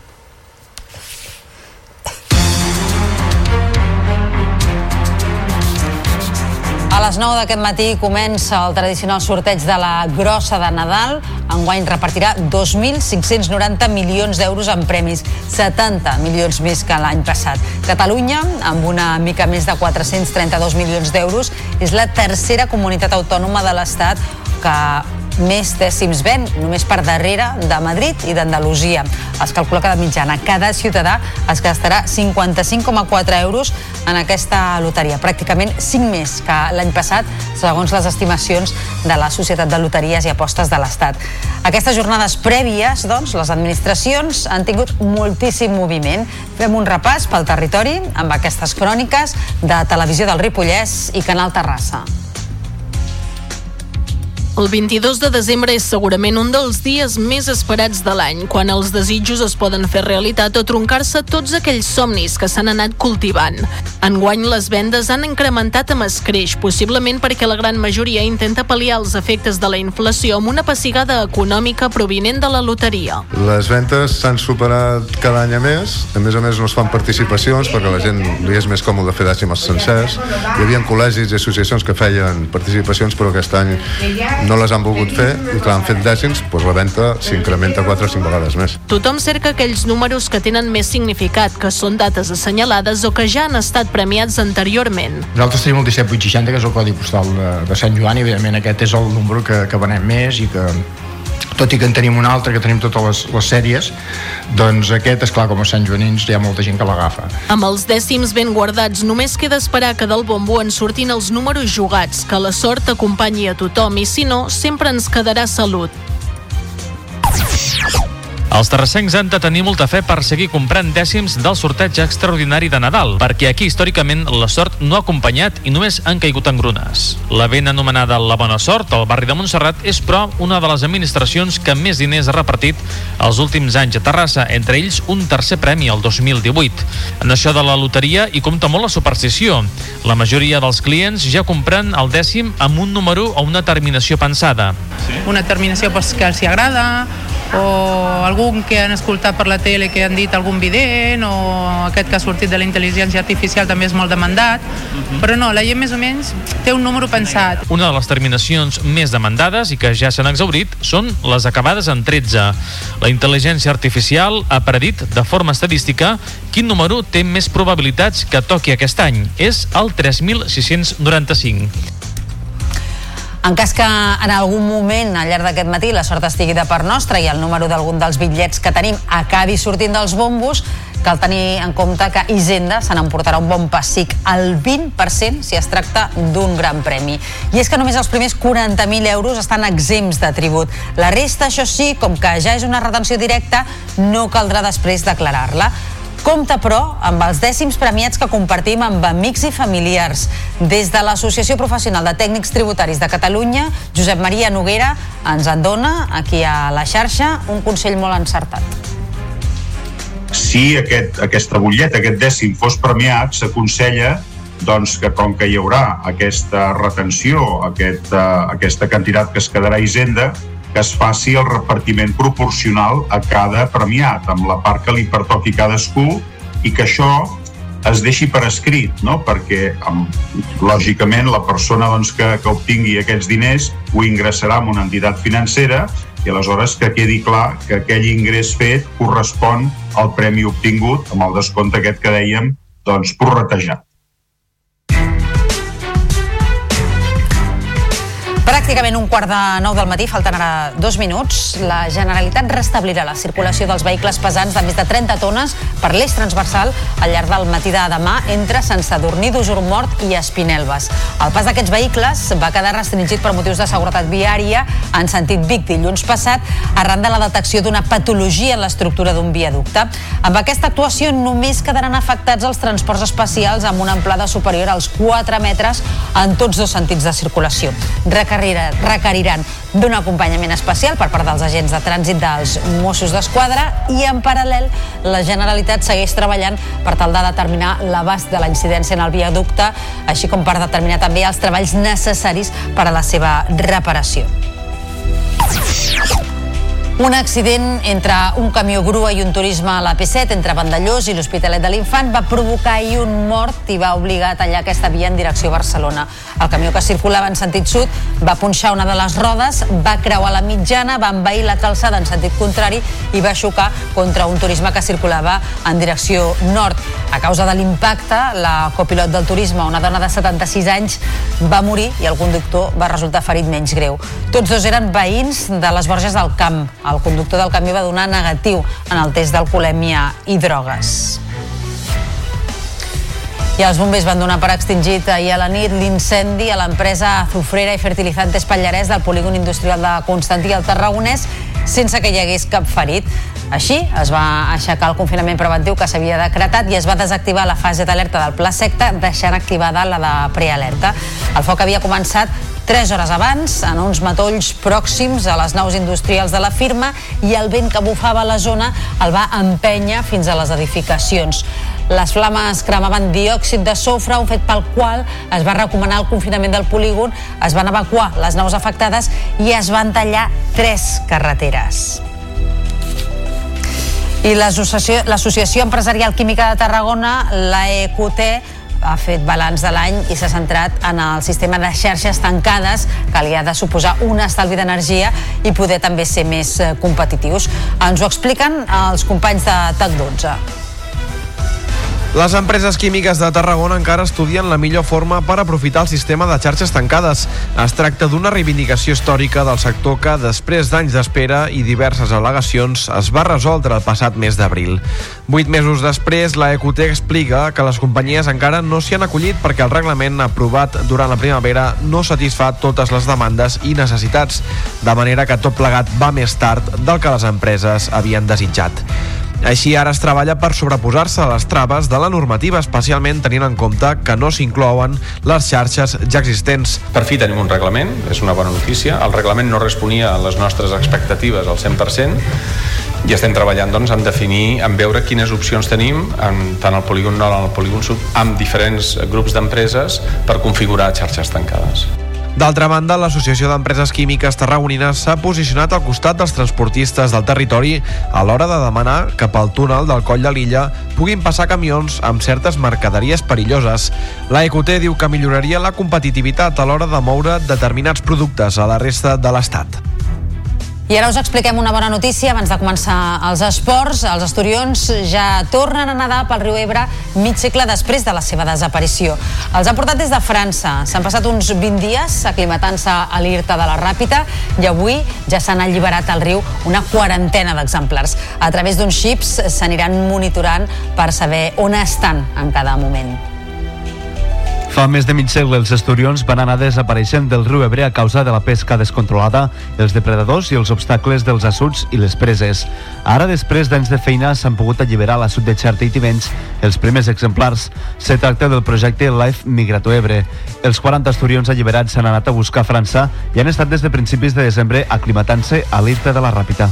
Avui és un dia històric al riu Ebre i un dia importantíssim pel projecte Life Migrato Ebre perquè per fi eh, se retornaran al riu los asturions europeus, una espècie de peixos eh, molt antiga que, com sabreu alguns, eh, existeixen des de l'època dels dinosaures i que fins a mitjans segle XX van viure a, al riu Ebre. Tot i això, els esturions no se trobaran amb el mateix riu que quan vivien fa més de mig segle, ara amb menys cabal, més depredadors, però menys contaminació.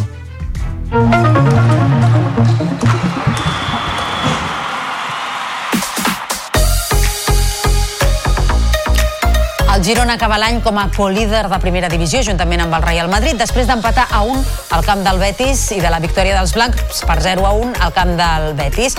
Dovic de penal va avançar als gironins mentre que Petzela va empatar al 88. Malgrat deixar escapar dos punts, el tècnic es mostrava satisfet. Tengo la sensación de que hemos hecho un gran esfuerzo, un gran partido. Aquí no había ganado nadie, hemos estado muy cerca, pero, pero bueno, se puede decir que el empate es justo, aunque es verdad que, lo teníamos casi en la, en la mano hasta el final, pero muy contento del rendimiento del equipo y ante un gran rival hoy hemos hecho un gran partido también. I el Barça ja està classificat per als quarts de final de la Lliga de Campiones quan encara queden dues jornades de la fase de grups per disputar. Les blaugranes van tornar a golejar el Rosengard, aquesta vegada per 7 a 0, i en la pròxima jornada ja es poden assegurar la primera plaça contra l'Eintracht de Frankfurt. Un cop acabat el partit, el club va fer oficial la renovació de Mapi León fins al 2026. La central de 28 anys està actualment lesionada després de trencar-se el menisc i s'estarà entre 3 i 4 mesos de baixa. Mapi mostrava l'alegria per allargar el seu compromís amb el club blaugrana. Estoy muy feliz, muy, muy contenta y muy feliz de poder continuar aquí, eh, en el club de mi corazón. Ya no solo es el club, es por la afición, lo que me transmiten, lo que me dan, el cariño que noto, el calor de la afición. La verdad es que cada partido, incluso ahora que estoy fuera, estoy arriba en la grada y escucho mi nombre y bueno, al final me siento muy querida aquí, El Tribunal de Justícia de la Unió Europea ha donat la raó als clubs que van impulsar la proposta de Superliga Continental de Futbol. El tribunal determina que hi ha hagut abús de poder i posició dominant per part de la UEFA i de la FIFA. L'empresa impulsora de la Superliga, A22, ha exposat les línies mestres del projecte, tres competicions masculines i dues femenines, amb un total de 64 i 32 equips respectivament, impliquen les mateixes finestres competitives que les actuals i retransmeses de manera gratuïta. Els principals impulsors de la competició són el Barça i el Real Madrid. El president blaugrana, Joan Laporta, celebra la decisió de la justícia europea. amb una competició europea millor i amb més recursos pels clubs, les lligues nacionals seran més equilibrades i competides. El que volem, i així hi treballarem, és establir un diàleg obert, constructiu, de cara a l'objectiu que es generin sinergies positives entre totes les parts. A tot això, aquesta matinada el Barça ha perdut per 3 a 2 davant l'Amèrica de Mèxic en un amistós disputat a Dallas. La Yamal ha obert el marcador, mentre que Marc Guiu ha tornat a avançar els blaugranes, que finalment han acabat caient. L'equip torna a Barcelona per iniciar ara les vacances de Nadal. I el Barça visita els Alguiris Lituà a les 7 a la setzena jornada de l'Eurolliga, la penúltima de la primera volta. Els blaugranes buscaran refer-se de la derrota de dimarts a la pista de l'Alba de Berlín, una desfeta que ha deixat l'equip tercer a un triomf de la Virtus, que està a la segona plaça. Els Alguiris és antepenúltim i encadena quatre derrotes a la competició continental. I també hi ha jornada a la Lliga CB. El bàsquet Girona, encara amb opcions matemàtiques de ser a la Copa, visita el Bilbao a les 7, un conjunt basc situat dues victòries per sota dels eh, gironins. Televisió de Girona, Bru Ortega. El bàsquet Girona vol aconseguir un important triomf a Bilbao que els allunyi encara més de les dues posicions de descens i els permeti seguir creient en les opcions d'entrar a la Copa. Un salvacamps que avisa de la dificultat del desplaçament que afronta l'equip gironí. té eh, aquest puntet de, de necessitat no? pel, pel, per com han anat aquests últims partits que han jugat ells no? que és un, un rival eh, que competeix tots els partits que és, eh, ha sigut capaç de dominar gran part dels partits durant molts minuts Un Bilbao bàsquet que, com assegura el tècnic badaloní, juga amb la necessitat d'haver de guanyar jugant com a local i únicament porta 5 victòries en el que va de temporada. per ells és un partit important, no? important perquè juguen a casa, perquè, bueno, perquè tenen aquest puntet de necessitat i, i tot això fa que, que el seu grau de motivació sigui, sigui una mica més alt. Un bàsquet Girona que vol tornar a la senda de la victòria després de caure en els dos últims derbis. A la Lliga Femenina Endesa, el Barça de Sant Feliuenc visita el Benvibre a dos quarts de nou. Les blaugranes buscaran trencar la mala dinàmica, cinc derrotes seguides a la pista del Cué, un conjunt lleonès que no ha guanyat cap partit dels 12 disputats fins ara. El tècnic Isaac Fernández espera una reacció, tot i el context complicat amb què conviu l'equip. No estem entrenant bé, no podem entrenar perquè no tenim prou jugadores i, i al final pues això quan arriba el partit es nota, gent que està jugant en, en posicions diferents a la seva, que entrena en posicions diferents a la seva, que a vegades pues, està entrant, bueno, pues és, és com molt complicat.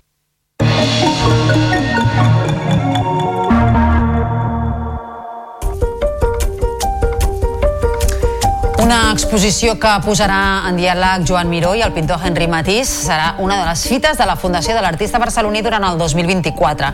La programació també compta, com a novetat, amb un nou espai per a l'arxiu que permetrà destacar-ne la importància i obrir-lo als visitants. Ens ho explica el nostre company David Navarro. El 2024 la col·lecció de la Fundació tornarà al seu espai habitual una vegada finalitzada l'exposició Miró Picasso. Pel que fa a les mostres temporals, destaca la de l'artista vietnamita nord-americà Tuan Andrew Nguyen, guanyador de la vuitena edició del Premi Joan Miró, que inclourà alguna de les instal·lacions de vídeo més rellevants de la seva producció i una selecció d'escultures elaborades amb bombes utilitzades durant la Guerra de Vietnam. A la tardor arribarà Miró Matís, més enllà de les imatges que, segons ha dit la comissària Veronique Dupà, explorarà la relació poc coneguda entre els dos genis. Podem dir que és la primera vegada que una exposició reuneix aquests dos artistes. Podem dir que serà un diàleg inèdit, mm, una relació inexplorada fins ara en cap, en cap eh, institució ni tampoc en cap publicació. Una de les novetats més destacades és la tornada de l'arxiu al seu espai original, la torre octogonal del museu. Aquesta nova ubicació permet fer-lo accessible als visitants amb exposicions com 12 fustes i 52 peces diverses, que mostra els projectes d'unes peces creades per Joan Miró als anys 30, de les quals només se'n conserven dues i que van desafiar les convencions de la pintura. L'Hospitalet de Llobregat acollirà la col·lecció d'art contemporani europeu de la Fundació La Caixa, el nou centre cultural anomenat Art Studio Caixa Fòrum estarà ubicat en un magatzem del barri de Sant Josep. És previst que la rehabilitació de la nau comenci a mitjans del 2024 i que estigui en funcionament l'any 2026. Ens ho expliquen des de la televisió de l'Hospitalet. El districte cultural de l'Hospitalet comptarà amb un nou espai anomenat Art Studio Caixa Fòrum. L'alcaldessa de l'Hospitalet, Núria Marín, ha acompanyat el president de la Fundació La Caixa, Isidre Feiner, per anunciar el projecte que acollirà la principal col·lecció privada d'Europa, constituïda per més de 1.000 obres de prop de 450 artistes. Així serà com quedarà la nova infraestructura que permetrà reunir totes les obres de la col·lecció d'art contemporani de la Fundació La Caixa en un únic espai i que fins ara eren repartides entre el Caixa Fòrum Barcelona i aquest magatzem. L'objectiu és que sigui un centre de referència estatal per a la recerca, la conservació i la restauració d'obres d'art i un espai de trobada de professionals de l'art, la cultura i el pensament. La rehabilitació de la nau, que tindrà una superfície de 10.000 metres quadrats i una inversió de 12 milions d'euros, començarà a mitjans del 2024 i està previst que entri en funcionament l'any 2026. La pel·lícula de José Antonio Bayona, La Societat de la Nieve, continua en pas ferm al seu camí als Oscars. L'Acadèmia l'ha seleccionat entre les 15 que optaran a l'estatueta millor pel·lícula internacional i a tres categories més. Millors efectes visuals, millor maquillatge i perruqueria i millor música original. El film supera així la primera fase de la cursa i apareix a la popular shortlist, la llista de preseleccionades.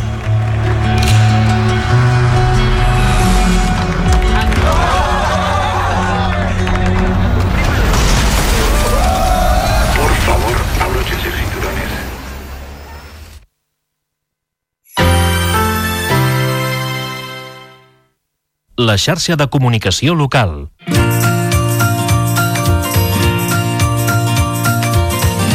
Gent del Som Terra. Soc la Quiònia Pujol, soc la presidenta d'una cooperativa que alhora és una granja cervesera. Ens diem Lobilot Farm Brewery. El que fem és fer els ingredients que necessitem per fer la nostra pròpia cervesa artesana. Tenim cereals que produïm, també tenim llúpol, també tenim un llevat propi i llavors tots aquests ingredients que produïm i transformem ja tenim la base per poder fer diferents cerveses artesanes. Ne tenim moltes que utilitzem només aquests ingredients que us dic. Aigua, malta de diferents tipus, llúpol i llevat. I després ne tenim moltes altres que aprofitant que estem en una zona que tenim moltes fruites, doncs utilitzem fruites de proximitat. A més a més de produir-nos tots els ingredients i de tenir un munt d'estils diferents de cervesa artesana, penseu que a dia d'avui devem tindre unes 30 varietats diferents de cervesa. A més a més d'això, ara hem engegat una nova línia de producció d'altres tipus de begudes. I la última que hem presentat és una ginebra d'autor, aromàtica, peculiar i de proximitat. T'interessa el sector primari? Trobaràs el podcast del Som Terra al Territori Podcast de la xarxa Més.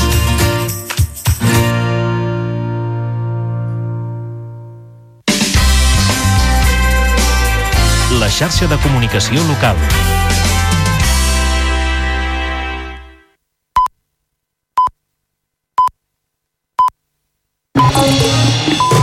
Notícies en xarxa, edició matí, amb Taís Trujillo.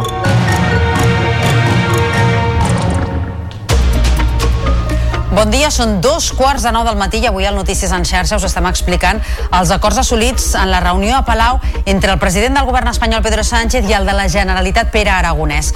Una llei per garantir el català a les administracions de l'Estat, el traspàs de l'ingrés mínim vital i calendari per rodalia són alguns dels pactes més destacats. Tots dos presidents, a més, participaran en la taula de diàleg que es convocarà el primer trimestre de l'any vinent i que donarà un paper important a l'abans cap a la sobirania fiscal. Un cop més, el referèndum que planteja el govern català ha estat el punt de discrepància. Però avui, 22 de desembre, com no podia ser d'una altra manera, estem molt pendents del sorteig de la rifa de Nadal. En aquesta darrera mitja hora del Notícies en xarxa visitarem una administració de loteria, viurem els instants previs al sorteig amb una persona que va resultar agraciada l'any passat i escoltarem els consells de Facua per, avisar, per evitar possibles fraus amb els dècims. I és que falta menys de mitja hora perquè els bombos comencin a girar al Teatre Reial de Madrid, però l'ambient ja es viu aquest teatre de la capital espanyola. La despesa en dècims dels catalans se situa en uns 55 euros per habitant, la tercera de l'Estat. Els nens de Sant Ildefons repartiran avui 2.590 milions d'euros en premis.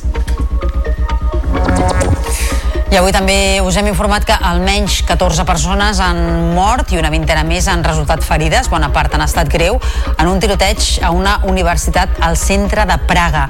La policia ha batut el tirador, un jove de 24 anys que hauria actuat sol. El govern txec descarta que l'atac tingui cap connexió amb el terrorisme internacional. I en esports, el Girona acaba l'any com a co-líder de primera divisió, juntament amb el Real Madrid, després d'empatar a 1 al camp del Betis i de la victòria dels blancs per 0 a 1 al camp de l'Alavés. El gironín se'ls va escapar el triomf al tram final, mentre que el Madrid va guanyar amb un gol al descompte. I com cada divendres acabarem el Notícies en xarxa fent un repàs a la cartellera de cinema que es renova amb A Fuego Lento, un film que barreja amor i gastronomia a la França del segle XIX. També s'estrena Migración, un viaje patas arriba. El film d'animació segueix un grup d'ànecs en el seu viatge cap al sud dels Estats Units. I Jason Momoa torna a protagonitzar Aquaman i el Reino Perdido. Notícies en xarxa, edició matí.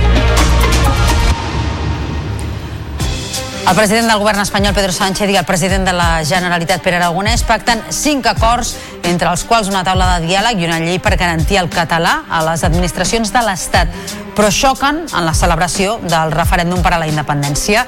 Els presidents s'han reunit durant una hora i quart aquest dijous al Palau de la Generalitat.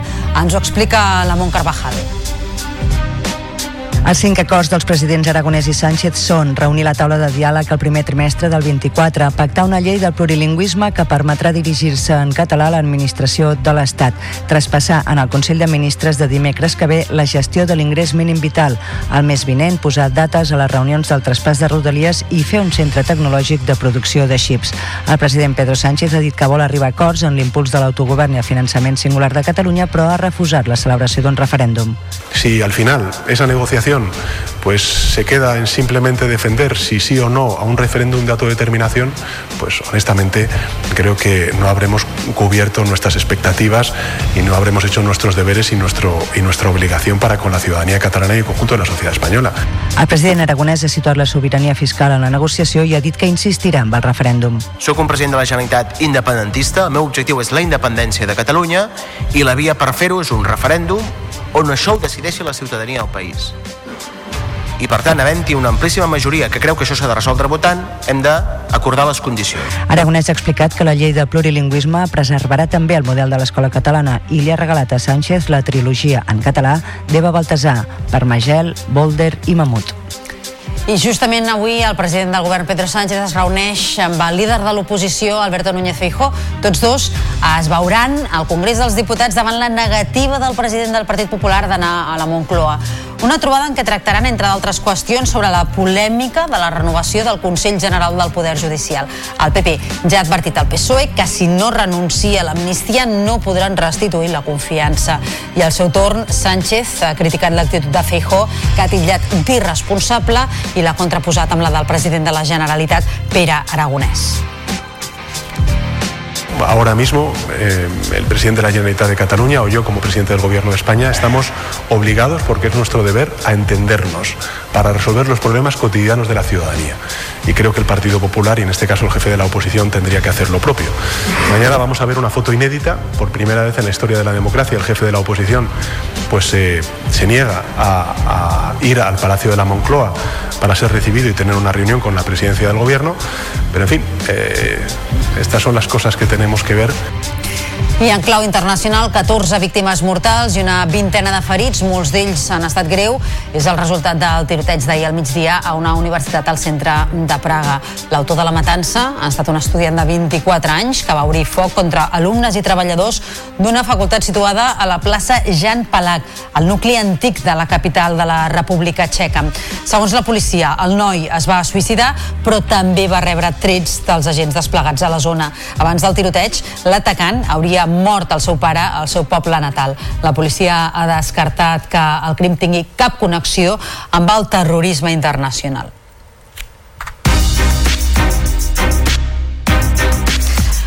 En uns minuts, a les 9 d'aquest matí començarà el tradicional sorteig de la loteria de Nadal. Enguany repartirà uns 2.600 milions d'euros en premis, 70 milions més que l'any passat. Catalunya és la tercera comunitat autònoma de l'Estat on més dècims es venen, només per darrere de Madrid i Andalusia. Es calcula que de mitjana cada català es gastarà poc més de 55 euros en aquesta rifa, pràcticament 5 més que l'any passat, segons les estimacions de la Societat de Loteries i Apostes de la l'Estat. A punt, per tant, de l'inici del sorteig ens apropem a una administració de loteria, en concret a Sant Vicenç de Castellet, que l'any passat va repartir un premi d'aquest eh, sorteig. Saludem els companys de Canal Taronja Central, l'Eli Pagan i l'Edu Font. Edu, molt bon dia. Què tal? Molt bon dia. Doncs efectivament, fa un any exactament estàvem aquí cobrint un fet alegre i és que aquest número que tenim aquí al darrere va ser el que va donar a aquesta administració de loteria la possibilitat de repartir un únic dècim, però repartir la grossa de Nadal. I ara d'aquí poca estona comença una altra vegada aquest Dia Internacional de la Il·lusió o al final el Dia Internacional de la Salut. Ja ho veurem. I anem a parlar-ho precisament amb la treballadora de l'administració, la número 1 de Sant Vicenç de Castellet, que va repartir l'any passat aquest gran premi. Maria del Mar, què tal? Bon dia. Bon dia, hola. Ja hi tornem a ser. Avui és el gran dia de la loteria. Sí, avui és un dia de molta il·lusió, no? Perquè hi ha molta, molta feina darrere d'aquest dia, no? I, bueno, i, i bueno, sempre tens l'alegria la, no? de, bueno, de, de voler donar un premi. I com és donar un gran premi? Perquè no, no passa cada dia. Hi ha moltes administracions que es passen tota la vida i no reparteixen, no? Sí, sí. Bueno, pues és molt, és, és molt alegre, sí, sí que és veritat, sí. Encara que no coneixem la persona que li va, que li va tocar, eh? No va... Però no, no la, la veritat que és molta... És molt alegre, sí, sí.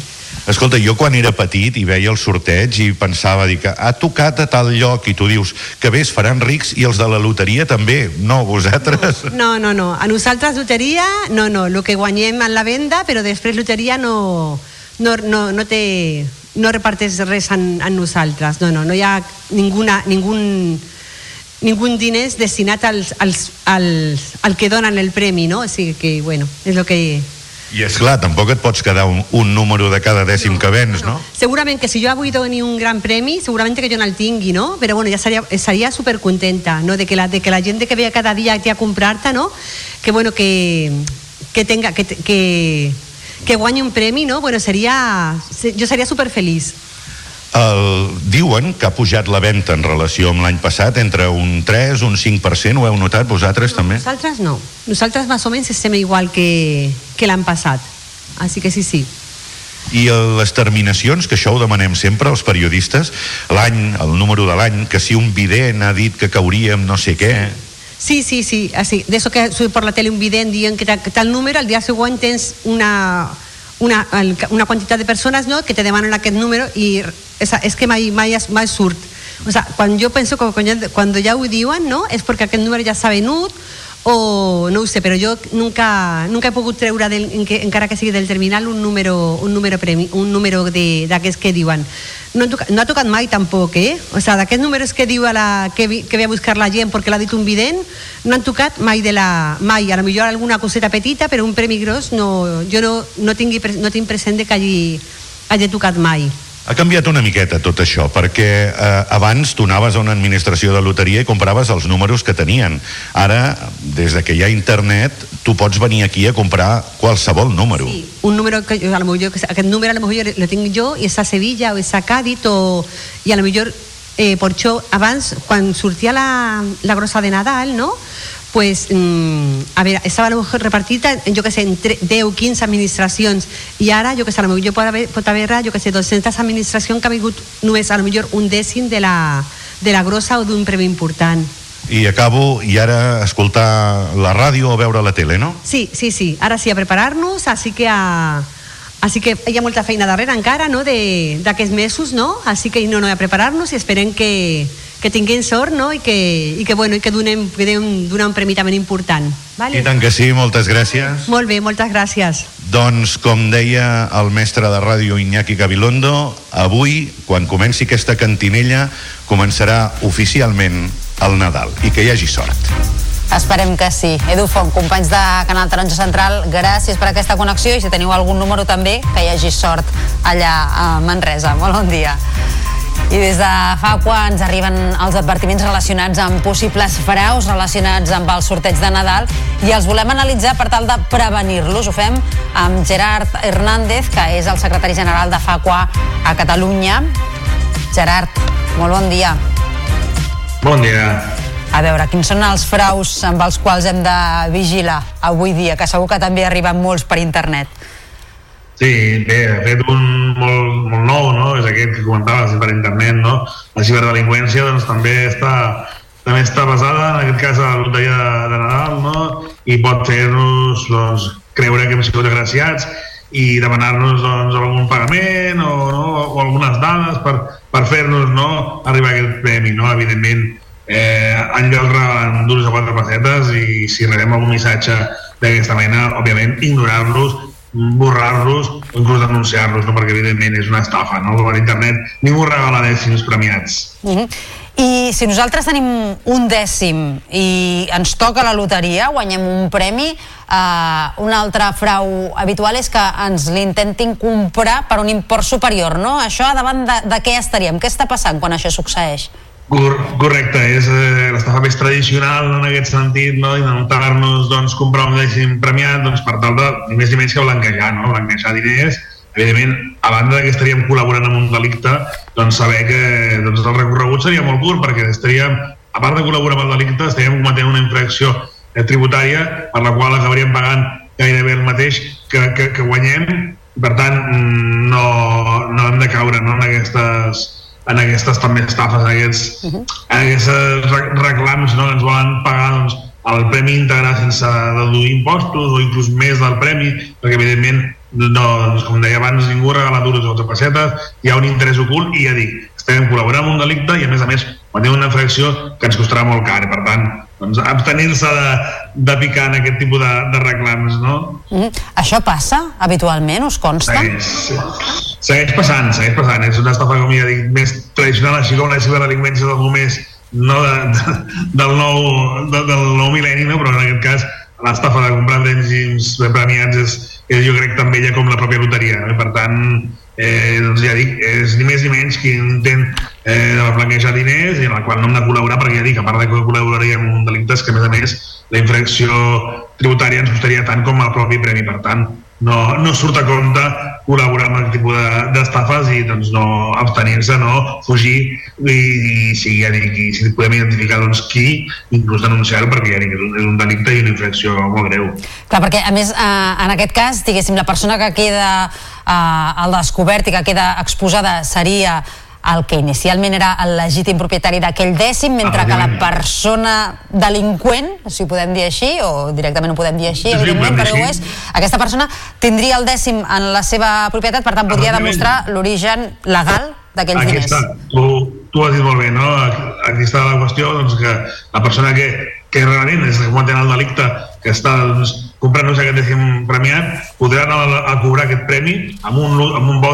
amb un bitllet de loteria autèntic, per tant podrà acreditar doncs, l'origen legítim d'aquests diners i no, i no, doncs, bueno, no, no podrà ser penalitzat no? en canvi nosaltres que sí que havíem comprat aquest dècim i que sí que hem sigut agraciats no podrem acreditar l'origen dels diners i per tant, ja dic, a part de col·laborar amb un delicte estarem cometent una infracció que ens costarà molt car per tant no, no, no surt a compte en cap no cas. a compte, millor no, millor no fer-ho. Gerard Hernández, secretari general de FACUA Catalunya, moltíssimes gràcies per haver-nos atès avui al Notícies en Xerxa coincidint amb aquest eh, dia del sorteig de la rifa de Nadal. Molt bon dia.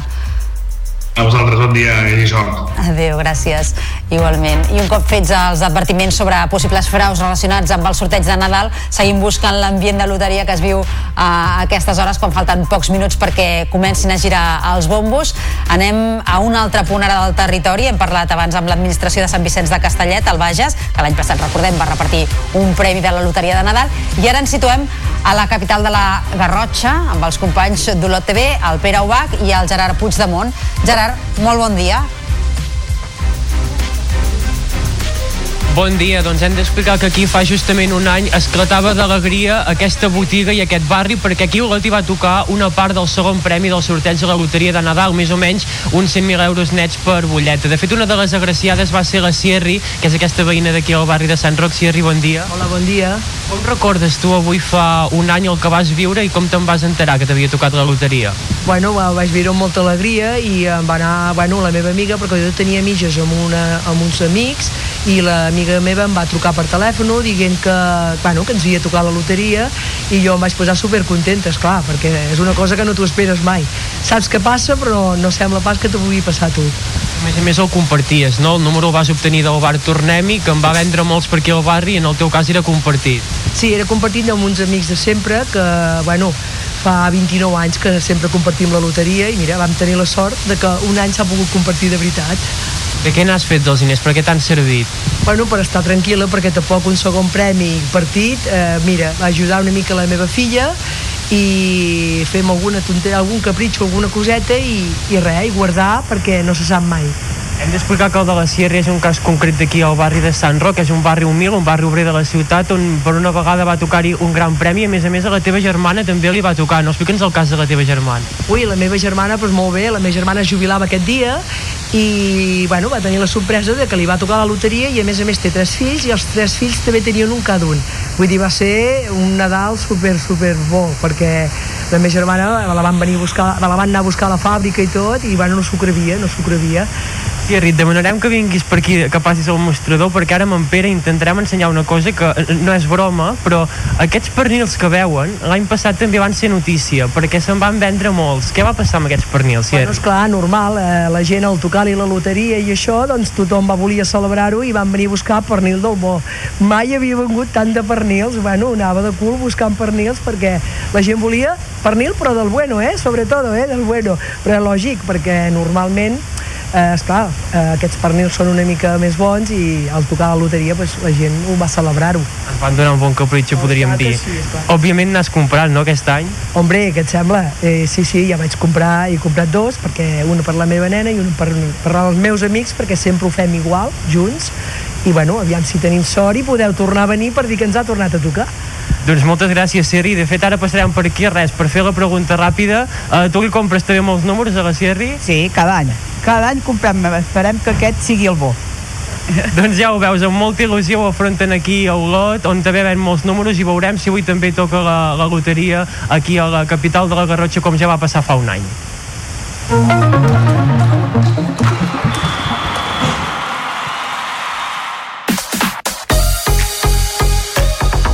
Falten poc més de 10 minuts perquè siguin les 9 en punt del matí, mentre esperem que comenci aquest sorteig de la loteria de Nadal.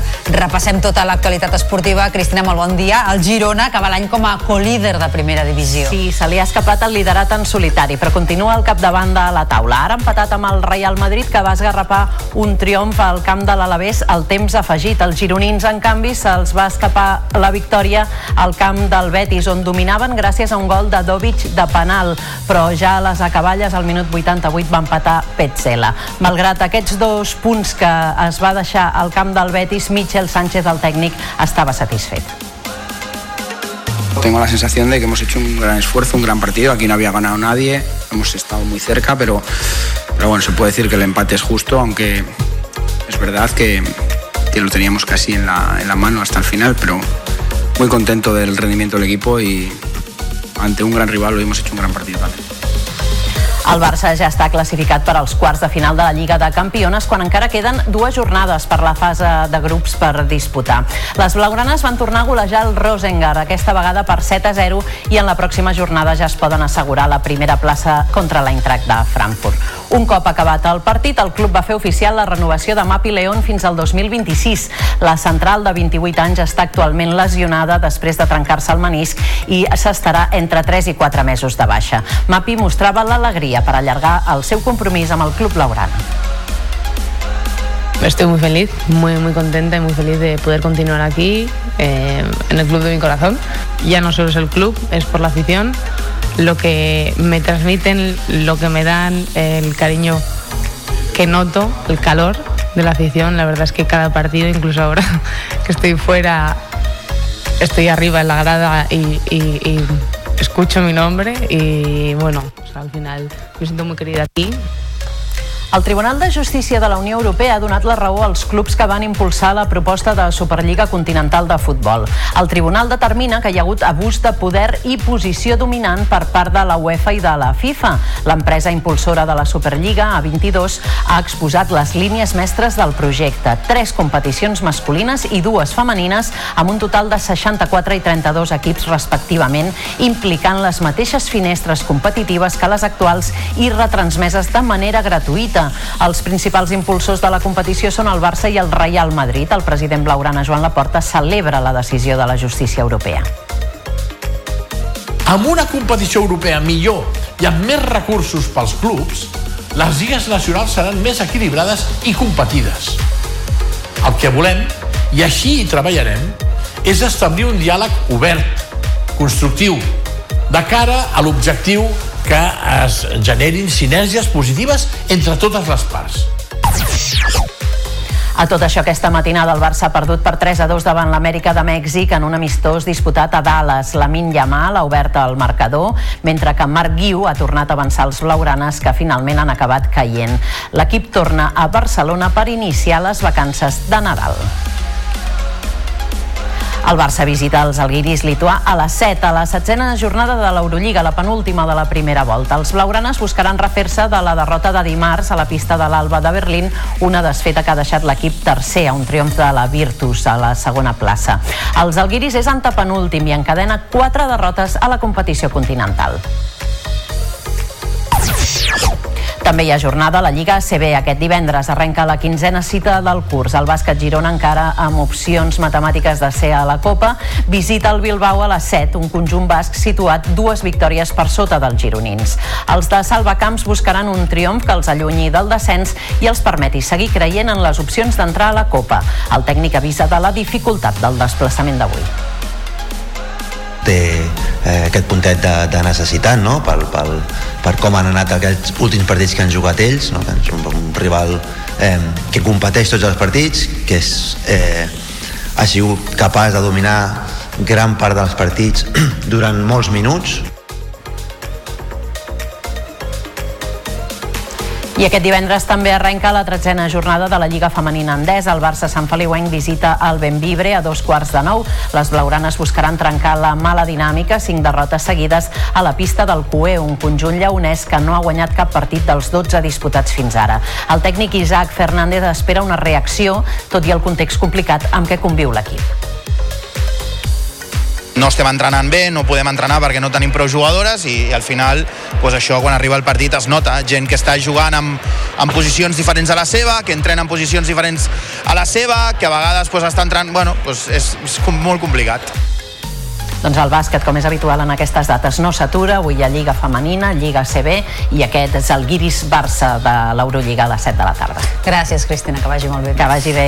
Nosaltres, ara, com cada divendres, acabem el Notícies en xarxa fent un repàs a les estrenes de cinema més destacades d'aquesta setmana i, com sempre, ho fem de la mà del David Navarro. ¿Conoces esta salsa? ¿Podrías decirme qué lleva? A Fuego Lento està ambientada al món de la gastronomia francesa a finals del segle XIX. La relació entre una cuinera de prestigi i el gastrònom per al qual ha treballat més de 20 anys passa de professional a romàntica. Aquest fet provoca que preparin plats deliciosos que sorprenen fins i tot els xefs més il·lustres del món. Subo la apuesta. Maravillar al príncipe con un potofé compuesto por mí. Con tu ayuda. Es un poco arriesgado y audaz. Vamos de aventura. Viendo qué nos ofrece la vida. Da un poco de miedo, claro, pero que merece la pena.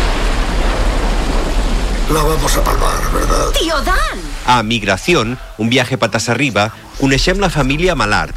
Són un grup d'ànecs que viuen a un estany de Nova Anglaterra. El pare és feliç amb aquesta vida tranquil·la, però la mare vol portar els seus dos fills a conèixer món. Finalment, decideixen migrar a Jamaica passant per Nova York. L'experiència els ajudarà a fer nous amics i a conèixer-se millor. Cuando el peligro acecha, no sales corriendo. ¡Recarga! Era un vagabundo sin hogar. Pero ahora soy marido y padre. Y no lo cambiaría por nada del mundo. No sé cómo te apañabas, papá. Mi trabajo era mucho menos estresante que el tuyo.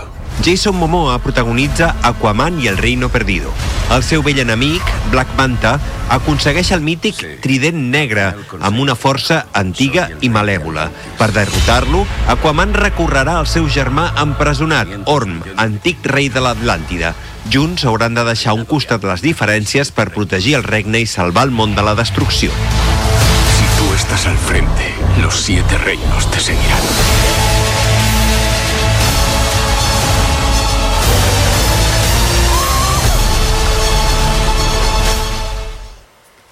Ho deixem aquí, que hi hagi molta sort ara a partir de les 9 amb el sorteig i nosaltres tornem passat Sant Esteve el dimecres dia 27 de desembre. Que passin un bon Nadal. Adéu.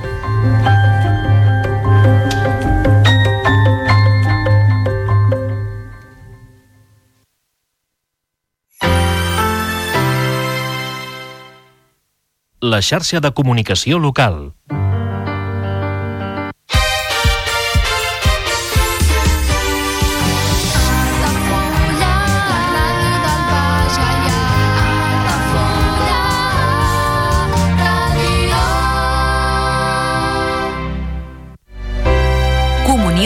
2024. Dates ja disponibles amb sales privades, jardí, pàrquing privat i la millor gastronomia. Més informació i reserves al 977 65 11 55 i a comercial arroba altafullamarotel.com o al web altafullamarotel.com. Les teves celebracions familiars a l'Altafulla Mar Hotel.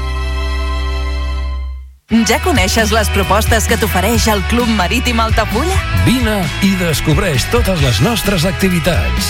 Sortides en caiac o pa del surf, cursos de vela per a totes les edats. No t'ho perdis. Club Marítim Altafulla. Obert tot l'any i per a tothom. Carrer Major, el programa de les emissores del Camp de Tarragona. Cada dia de 4 a 6 de la tarda, el que passa al Camp de Tarragona t'ho expliquem amb la major redacció d'un programa de territori quilòmetre zero. Periodisme de proximitat, continguts de qualitat, amb Anna Plaza i Toni Mateos. Carrer Major. En cas d'accident químic, practica l'efecte bombolla. Quan hi hagi un accident que pugui afectar la població, sonaran les sirenes i rebràs un missatge al mòbil. Per la teva seguretat, caldrà que et confinis immediatament. A casa, a l'edifici més proper o a l'escola. Tanca les portes i les finestres. Abaixa les persianes i apaga els sistemes de climatització. L'efecte bombolla et protegirà. Generalitat de Catalunya. Sempre endavant.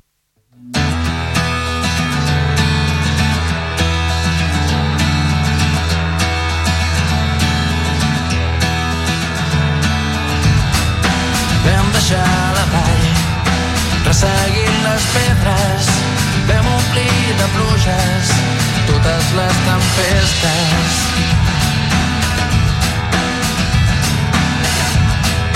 Vam traçar la sort amb un pols perfecte i embocàvem llunes sota les finestres. L'equilibri Travessàvem una corda dins la ment. I no hi ha cap pas enrere, ni un principi físic que ho entén. L'equilibri és fràgil com el sens.